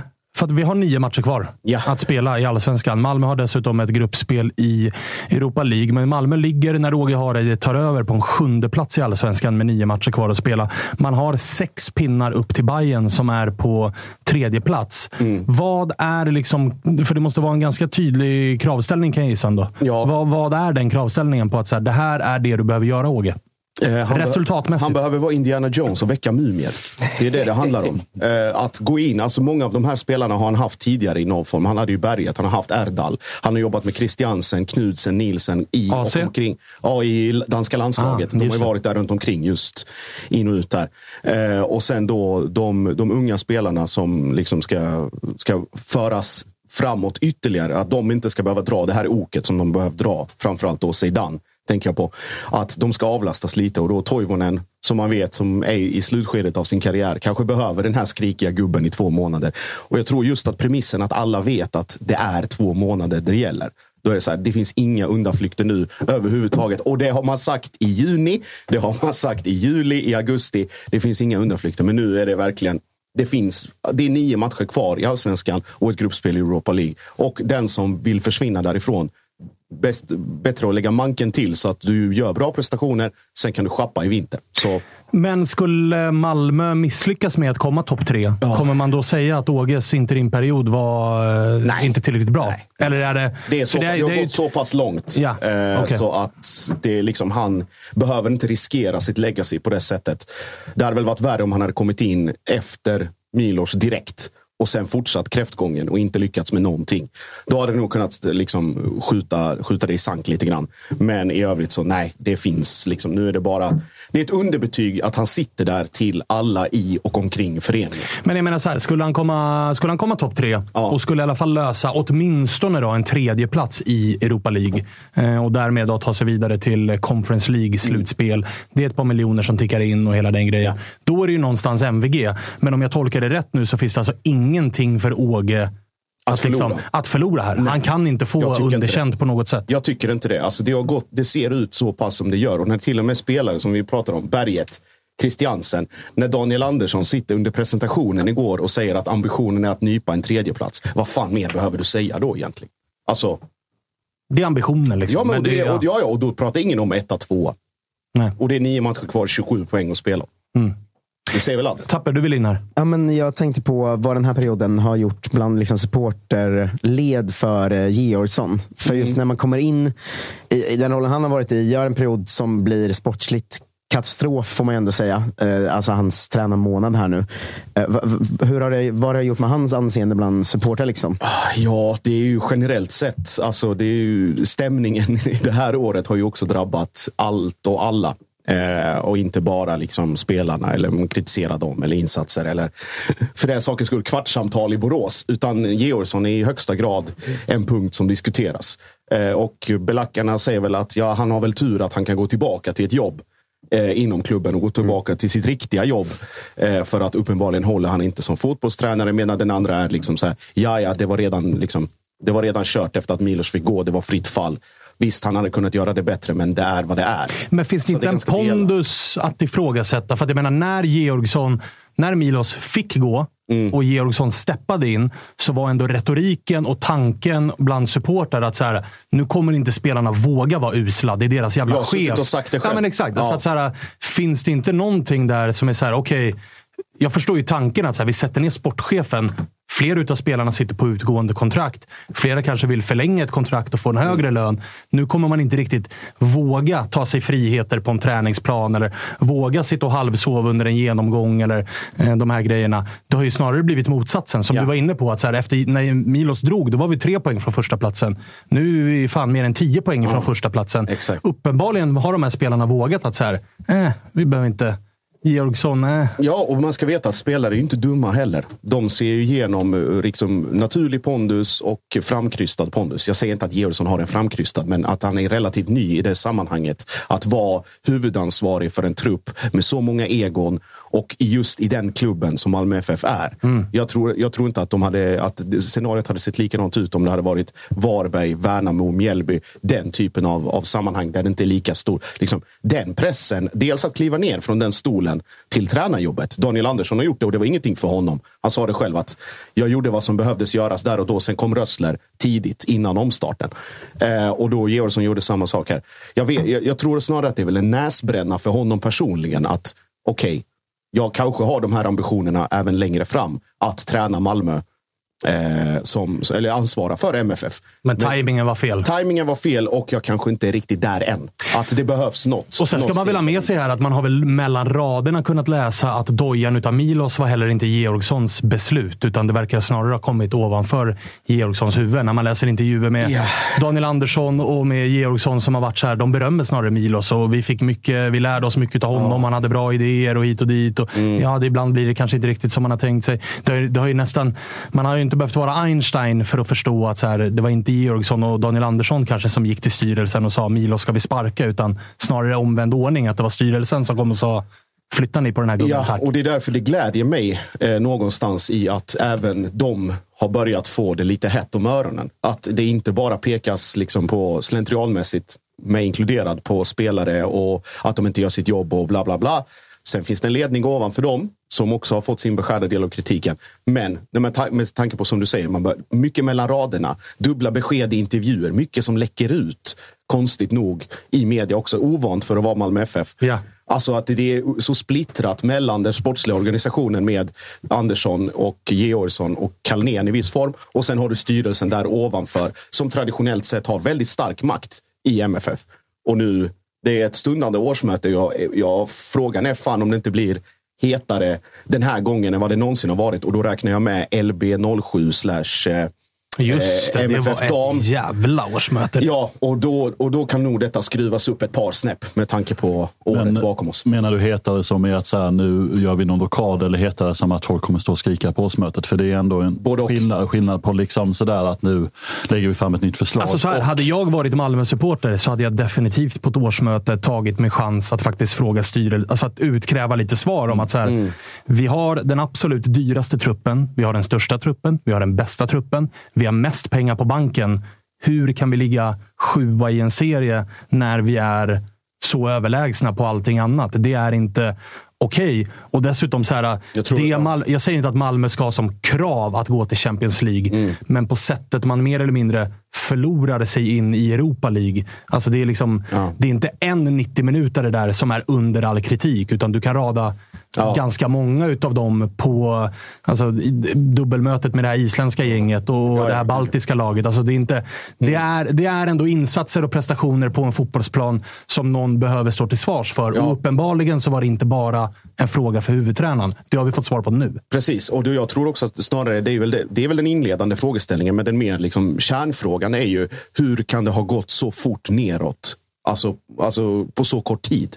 Hur kan saker som har varit så jävla bra under våren och liksom försäsongen och allting bara krackelera fullständigt inom loppet av mindre än fyra, fem månader? Hur, hur stabil var grunden från början? Hur pass uttömmande var processen? Hur gjorde man bedömningen av spelarkvaliteten, nivån? Alltså, vad var det? Daniel Andersson i den intervjun jag gjorde innan jag slutade sa väl att ingen, alltså så här, prognoserna på Oskar Lewicki och hans frånvaro, att den skulle vara redo i mars, senast april. Fortfarande inte gjort en minut i allsvenskan. Nej. Liksom. Och sådana saker. Och alla, all liksom, vad är, det, vad är det? Lagen om alltings jävlighet. Att allting kommer ihop sig så fullständigt och att man liksom aldrig riktigt hittar ur. Vilket är mest oroväckande för en klubb som MFF och hur den har skötts i alla fall de senaste tio åren. Det, det här studsar väl tillbaka till Georgsson också, då, men man kan ju också prata om alltså, transfer in som har skett i år. Där man kanske framförallt Charles då, men även Lomotey, så här, det ser inte, det ser inte jättebra ut där heller får man ju säga. Nej, det har ju varit lite, varit lite högt och lågt. Och den, den, eh, den kvalitet som man har hittat har man ju också hittat var alltså svenskfostrad. Det vill säga Zidane, Ceesay i viss form. Kiese på något sätt. Ja, eh, såklart. inför- Med, med, med all star power som omger den värvningen. Men så här, Kiese och eh, Mustafa Zeidan behöver du inte ha. Du behöver inte du har inte hittat dem under en sten. Nej, exakt. Ceesay är väl det är ju en, Det är en bra scouting. pinpointing. Ja, CB hade också kunnat vara det om det inte hade hänt vad det hände. det är nu med. Lomo- Lomotey, gud vet. Utåt lät det som att det var att det är en spelare vi ville ha innan som vi inte kunde få, men som vi fick nu. Noll minuter. Är det Lexi B, som du var inne på? Ja. Starta för snabbt. Vad fan har han gjort? Vad är det? 20 minuter mot Brålanda. Ja, det är ungefär det. Ja, och här Men- sitter vi. Och nu, och nu med allting detta i, i åtanke och så kommer farfar Åge in och alla blir helt... Men det kommer hända mycket i Malmö i vinter. Alltså. Gud, jag ja. tror, vi har pratat om att så här, eh, mitt lag kommer hända skitmycket i vinter. Frågan är om inte Malmö nästan går om där. Alltså. För att det kommer vara mycket in och mycket exakt. ut. Och, Men så här, det kommer vara en jävligt intressant eh, vinter oavsett vad, tror jag. Alltså Peking med ny tränare och eh, har typ väl... åtta spelare ut också och typ åtta spelare in. Ja, exakt. Många utgående Samma kontrakt Malmö. och dessutom stor jävla plånbok. Malmö med stor plånbok och lite samma situation. Och generationsväxling Eh, på och det. Generationsväxling på det. AIK med definitivt en ny tränare till att börja med och dessutom är AIK ett gäng, en handfull kontrakt på det som har varit bärande kuggar i laget vars kontrakt går ut och färska miljoner in på kontot. Där Göteborg får väl 150 millar eller något för Bångsbo som de kan handla för. Ja, Nej, 250. exakt. 250 Nej, tror och jag. det är jätteintressant att du Och nämner jag, det. både Djurgården och Bayern ska ju in här också. Bayern med jättemycket pengar, Djurgården med väldigt mycket nya pengar och hela den sportsliga satsningen som pågår där. Så det, det är de fem stora klubbarna. Eh, vilka var jag elak mot nu? IFK Göteborg. IFK Göteborg. Eh, just det. 250 mille Blåvitt. Ja, Nej, de ska jätte- bara sälja Bångsbo. Sen har de också jättemycket Ja, pengar. jätteintressant att du nämner just AIK. För att AIK måste på något sätt, jag ska inte säga att man ska copy, alltså så här, titta på, exakt på hur Malmö har gjort och undvika att göra detsamma. Men göra en noggrann bedömning för Verkligen. hur de här kuggarna, alltså vi pratar Lustig, Milo, Nabbe. Mm. Sotte, Nabbe, eh, Seb.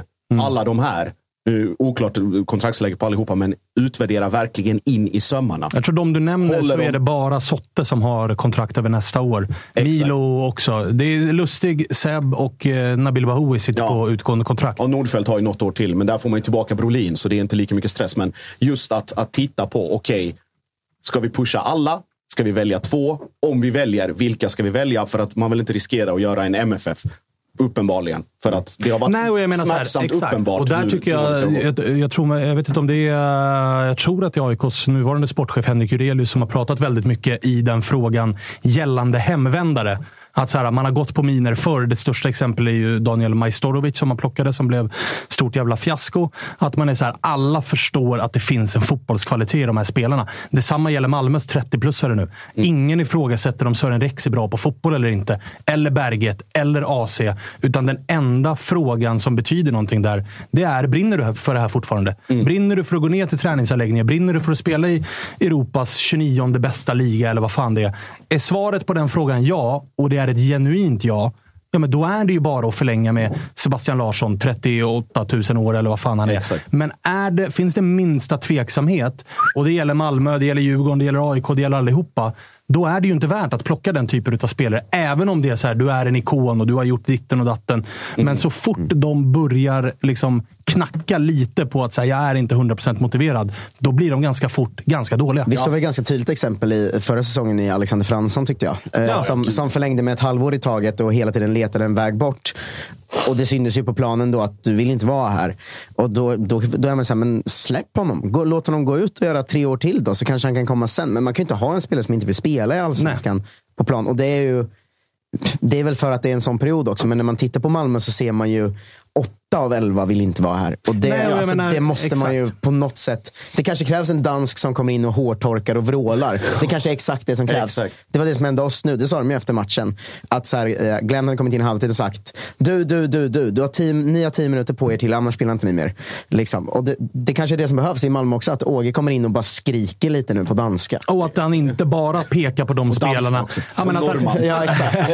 att han inte bara pekar på de spelarna som är 23 år, utan också vågar peka på de som är 34 år och säga Exakt. du har 10 minuter till, annars ryker du. Men Karn är 70 år och har ju för fan tränat allt och alla i hela sitt liv. Det vågar, det vågar nog Åge. va? Ja, det vågar han ju definitivt göra. Snack. Och det är, Men sen får vi se. Det är just kontraktssituationen. Alltså, att Åge vågar göra det, det är noll eh, liksom, tvivel om. Men det ska bli intressant att se vad Georgsson och Daniel Andersson vågar göra. I AIK hade vi situationen med Pierre Bengtsson, där uppenbarligen jag tycker att AIK gjorde rätt val. Som att så här, du är våran gamla gubbe.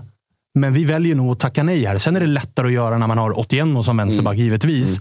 Men det hade varit en väldigt enkel värvning att göra. Du är utan kontrakt, du vill hem till Stockholm, du är vår gamla lirare. AIK gjorde avvägningen att nej, AIK hade säkert kunnat sälja 81 och så här, ja, men då plockar vi väl hem Pierre Bengtsson. Men vi ser ju hur det har gått nu i Djurgården och jag vill nog ändå tro att det är en dos motivering eller motivation som gör att han inte är så bra som han säkerligen kan vara.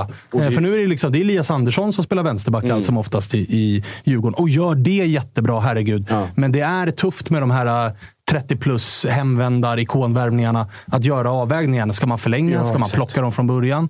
Det är och den, tufft. den diskussionen hade ju Malmö med Jimmy Durmaz. Och den, det, den dörren är ju tokstängd nu. Ja. Det fanns en liten lucka på ett transferfönster. Kanske sommar, vinter. Men den, det kommer ju aldrig bli av nu. Och då har man samtidigt, om vi pratar kontraktsläge, ny tränare. Vilken typ av tränare är det man vill ha in? Och då kombinationen med vilka, som är det, vilka är det som väntar ute i Europa?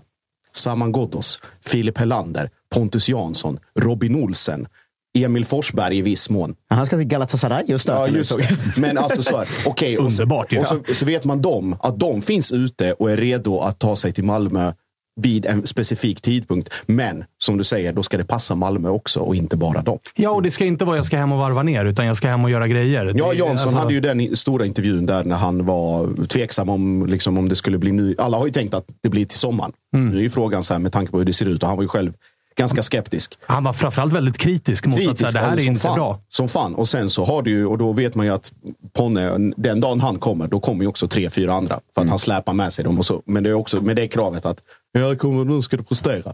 Ja, ja, ja. ja, ja. Så. Men jag, Eh, hörru, du väntar eh, Europa League-match mot eh, Braga. Kalle, eh, du har lite grejer att bjuda på. här, För Djurgården ska också ut i elden. Ja, men Euro det ska Conference de. League. Det ska de ju och eh, de är favorittippade borta hos Unibet till två gånger smeten kontra 3,75 på Shamrock. Då.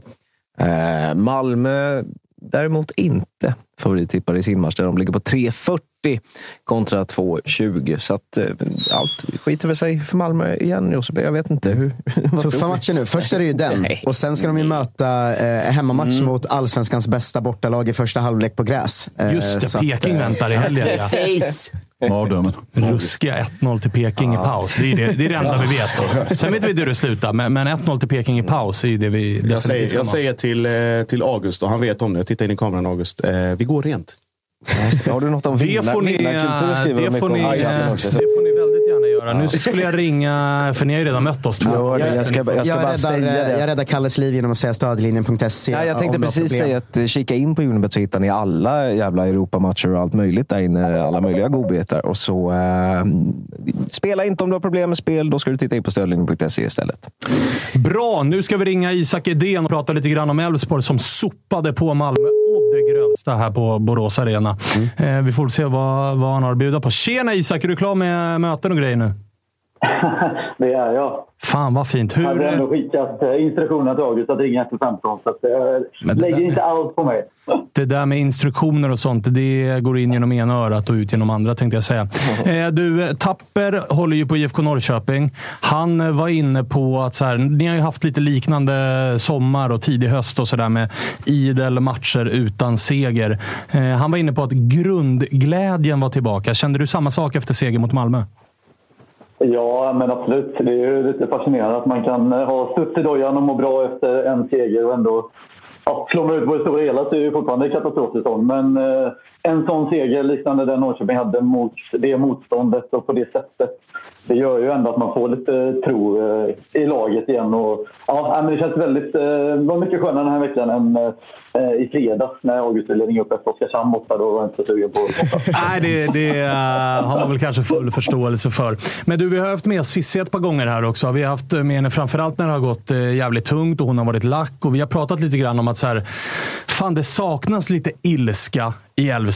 Alltså, det, har varit, det känns som att, utifrån i alla fall, så har det känts som att så här, det har bara tuffat på och varit svaga resultat. Och så till slut här mot Malmö så kommer det avgångsbanderoller och då går ni och vinner. Var det lite ilska som behövdes eller lite avgångsrop? Uh, ja, men jag skrev ut sist innan att jag skulle kasta henne under bussen här för hon lyssnar live. Men, uh, uh, nej, men det har väl snarare varit kanske lite väl mycket ilska på sista tiden. Men samtidigt så Eh, det kanske var snarare var att vi behövde en riktig chockförlust för att inse att den här säsongen är katastrof. Eh, och man hoppas ju att det blir... Vi hade senaste avgångsbanderollen mot Selin var Kalmar hemma 2019.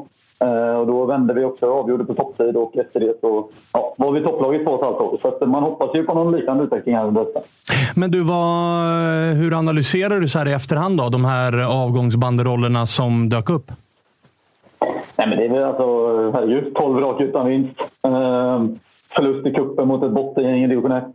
Eh, tok torsk mot visserligen ett starkt Molde och ja, många usla insatser. Så det är klart att man förstår missnöjet. Och herregud, jag är också missnöjd med alla prestationer som varit. Sen eh, det som skillnaden jämfört med många andra lag som man verkligen såg i matchen mot Malmö i andra halvlek och som gör att man verkligen kände att det kanske ändå kan flyga med Thelin är ju att spelarna fortfarande brinner för honom. Alltså de kämpar ju gärna för honom. Det såg man både under matchen och man såg det eh, efter matchen i omklädningsrummet och på de filmer som sipprat ut och det lilla man, ja, men det man hört från spelartruppen så är det ju spelare som verkligen tror på sin tränare och den spelidén. Han har ju omklädningsrummet med sig och då, ja, det kommer man ju oftast långt på.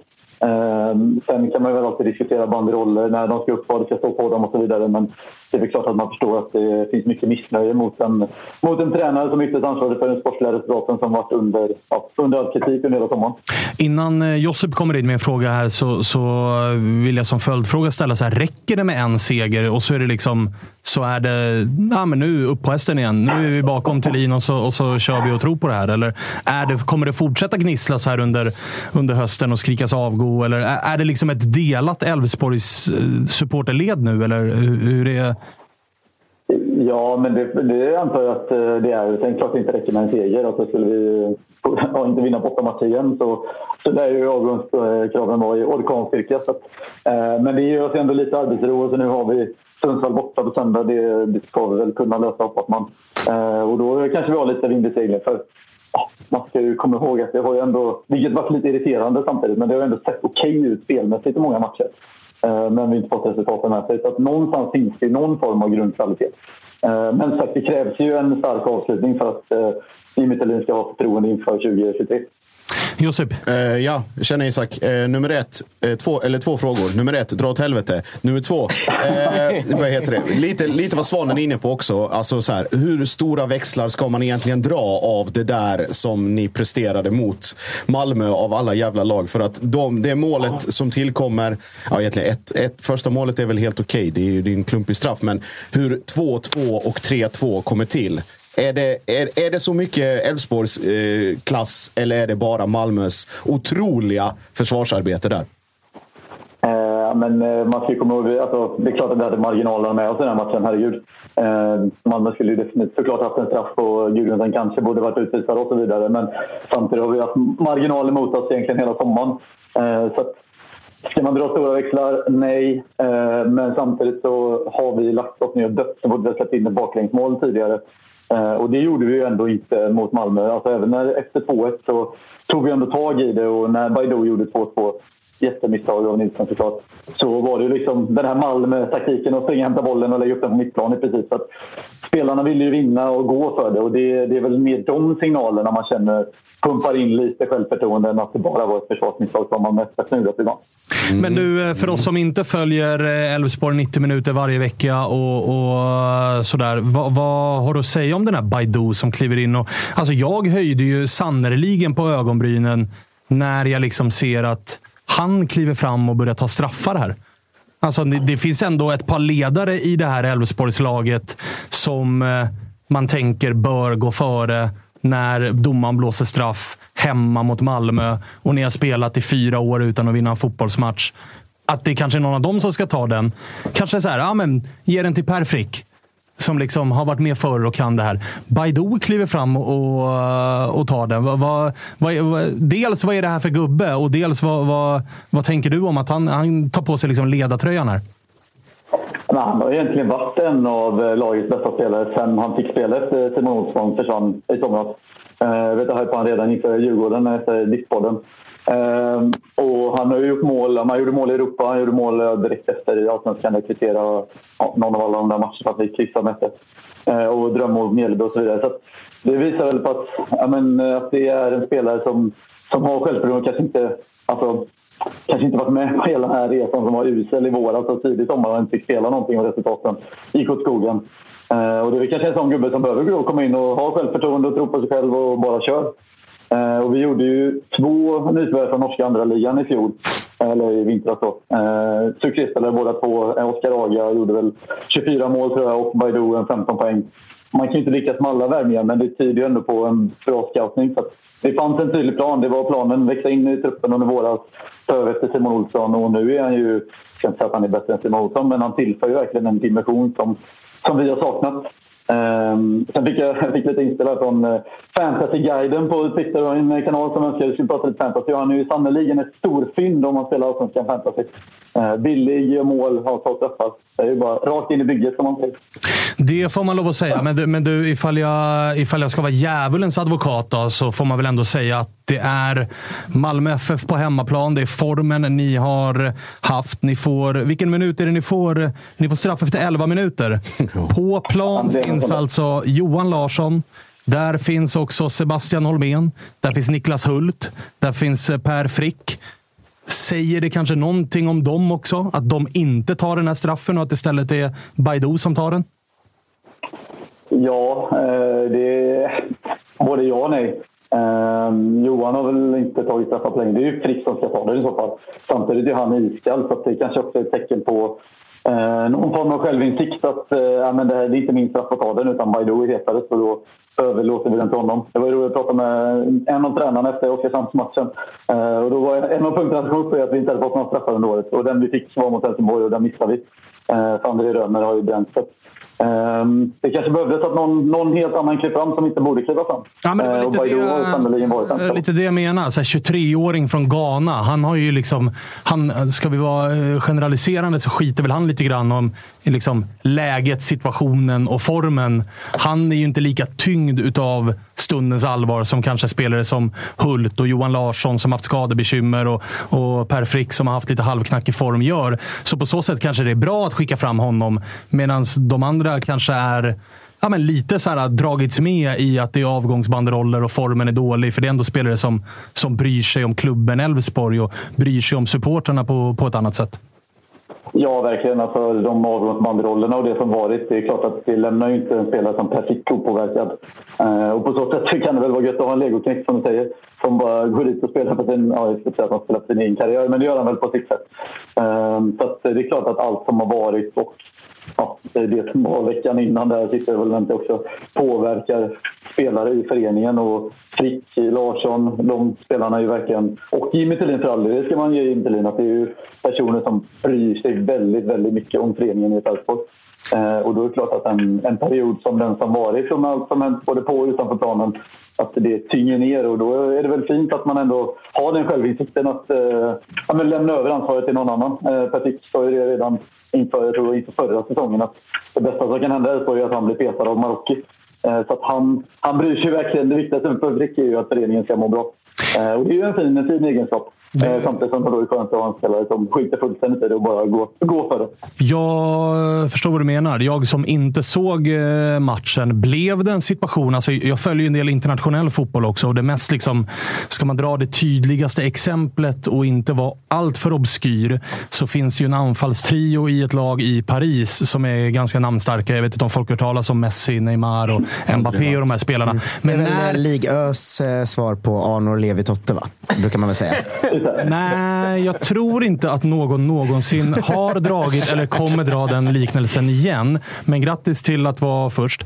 Eh, hur som helst, när domaren blåser straff för det laget så brukar det ofta bli ja, men, typ brottningsmatch. Jag ska ta den. Nej, du ska ta den. Och så håller de på och jiddrar och sådär. Var det lite omvänd situation här? Att Baidoo typ tog upp bollen och alla gick bara därifrån. Jag vill inte ha den. Nej, nej, nej, du får ta den här. Jag ska inte ta den här straffen. Jag vill liksom måla upp i huvudet hur, hur spelare efter spelare bara, jag vill inte ta det här ansvaret.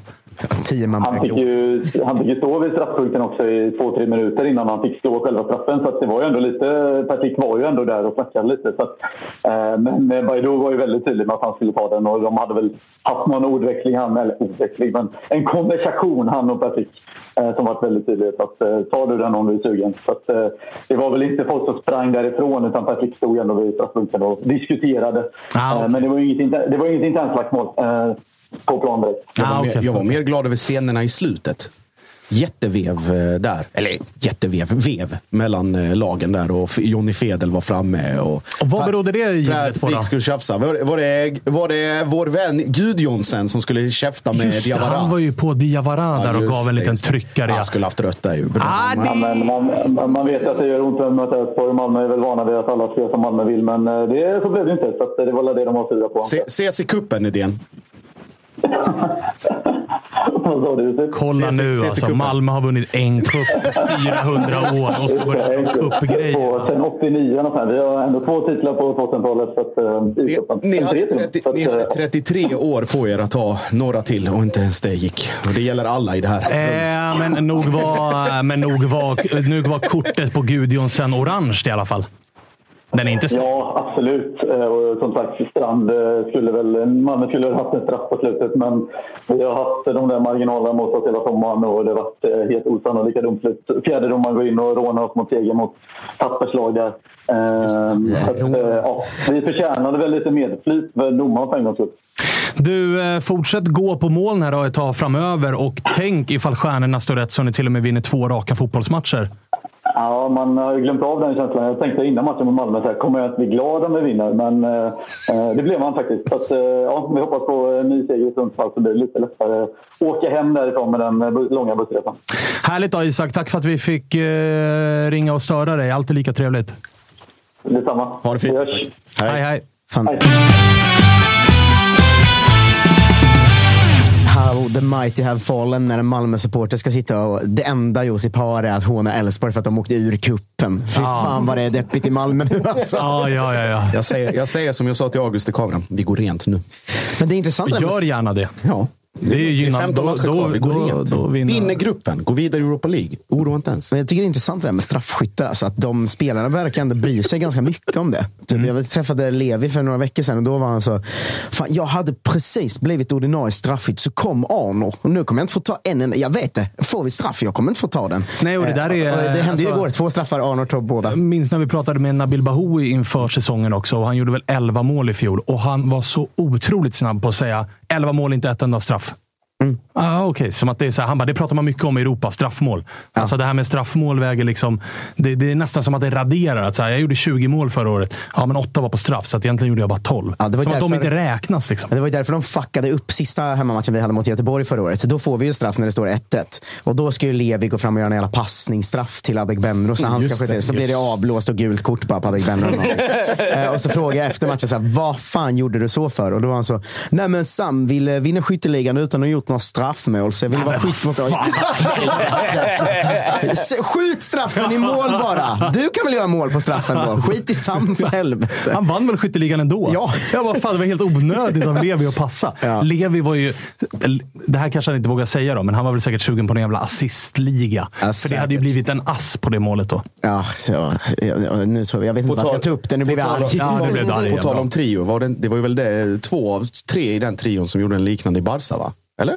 Var det Messi som gjorde någon sån straff? Ja, men de ska hålla på och springa fram och peta bollen Ja, och så kommer någon och så, ska mycket hålla för på. den, så mycket för den liknelsen. Ja, exakt. Den föll direkt. Ja, men det vet de man- tror själva att de är Mbappé, Messi Ja, och Neymar. man vet ju att allsvenskans version av um, Messi, Neymar, det är ju exakt det allsvenskans version ska göra. Peta lite fel, få gult kort, det andra laget kontra in ett mål. Det är allsvenskan. men vet du vad det roliga är? Att när du drar den liknelsen så garvar ju både, alla garvar, förutom en. Och det är ju Arnor som själv känner att jo, men där, jo, jo, den liknelsen den har någonting. Den har någonting. Ja, men eh, en, en bra match till från att jag börjar ha pannband. Alltså, för då har jag ju samma frisyr som honom nu. Ja, och så lilla blonderingen på Ja, det. ex exakt. Vänta bara tills vi slår Malmö, Josip. Vi ses i studion nästa vecka. Jag kommer med blonderat hår, pannband, tofs. Jag kommer jävlar. Men det där snacket... Men det där snacket måste du nästan ta med... Jag vet att han är stor och att han är liksom, det finns en aura runt Arnor. Men det börjar bli läge att ta snacket, va? Att han får välja. Han Antingen pannband eller tofs. Ja, men- inte båda. Mm. Han körde ju pannband på baren efter matchen också. Det tyckte jag var... Ja, det, det är ju inte bra. Han- Det är ju inte bra. Jag kan säga att den frisyren kommer få sig en släng av sleven nere i Malmö. Det, folk kommer göra honom uppmärksamma på det, om vi säger så. Jag tror inte Glenn gillar den frisyren. Alltså vår tränare. Nej, han gillar den inte. Nej. Nej. Nej, nej, nej. Han har ingenting emot att det där lånet hävs omgående. nej, vi eh, skämtar såklart bara. Vi, det är en jävla bra fotbollsspelare. Det, Du det måste vi- förtydliga det. Nej, men jag, jag orkar inte ett varv till av eh, d- dina polares. Liksom. Vissa, har varit, vissa har varit jävligt roliga. Du är en utav dem. Eh, det, ska du, det ska du ha. Men det är ju också ditt jobb. Trist hade det varit annars. Ja, ja, men verkligen. Jag tycker fet shoutout till IFK Svansen. Fortsätt trakassera Svanemar. Där har du avsnittsnamnet, eh, Kalle. Historisk avbön. Ja, det är fan det enda jag gör. Avbön. Vaknar på morgonen, varje morgon. Vad fan måste jag göra avbön för idag? Alltså, du har ju fått cred för avbönen tidigare i avsnittet i chatten faktiskt. sant? Svan. Ja, visst. visst. Så jag vaknar ju och säger förlåt det första jag gör. förlåt, förlåt, förlåt, förlåt.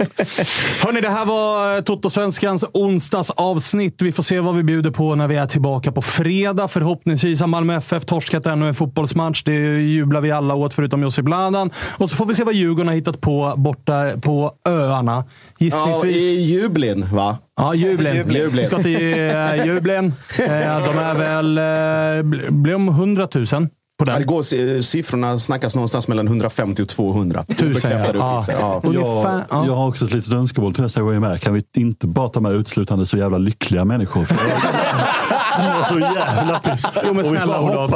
Olof när, när August sa att vi har bokat Olof till onsdag, då gjorde jag ju det enda rätta här och bjöd in Tapper och Isak För att det, är så här, det är ju de som mår piss de också. Så- Men så går ju de och vinner Ja, fotbollsmatcher. så mo- så det kan du inte skylla, skylla oss på. Liksom. Vi ses på Västerbron 20.00 hemma. Eh, om någon ser eh, eh, Matteo eller Walter, eller de, liksom, eh, larma i så fall. För vi, vi vet om de lever. Eh, det var jävla tyst därifrån nu den här veckan. Ja, det var väl ungefär lika tyst som det var sista tio, va? För då var det väl inga kvar på... Nej, då hade de gått hem. Jag vet inte, kan, mina mentions. De skulle, med, Oj, oj, oj. de skulle med tåget. Va? Så att det, Ja, jag, jag, tar, jag tar lilla trampbåten och sen så tar jag varvet ner förbi Kungsholmen där och kollar läget under bron och ser om det, det är någon där. Du, det är rodd de pysslar med. Du tar roddbåten. Fick jag det sagt också. Ja. Eh, ja, kämpa mentions till alla som har varit deltagare i det här programmet. För det lär vara livat. Vi hörs igen på fredag. Nu avslutar vi Toto-svenskan för den här gången. Hej på er allihopa! Shout out to great. hata kammar.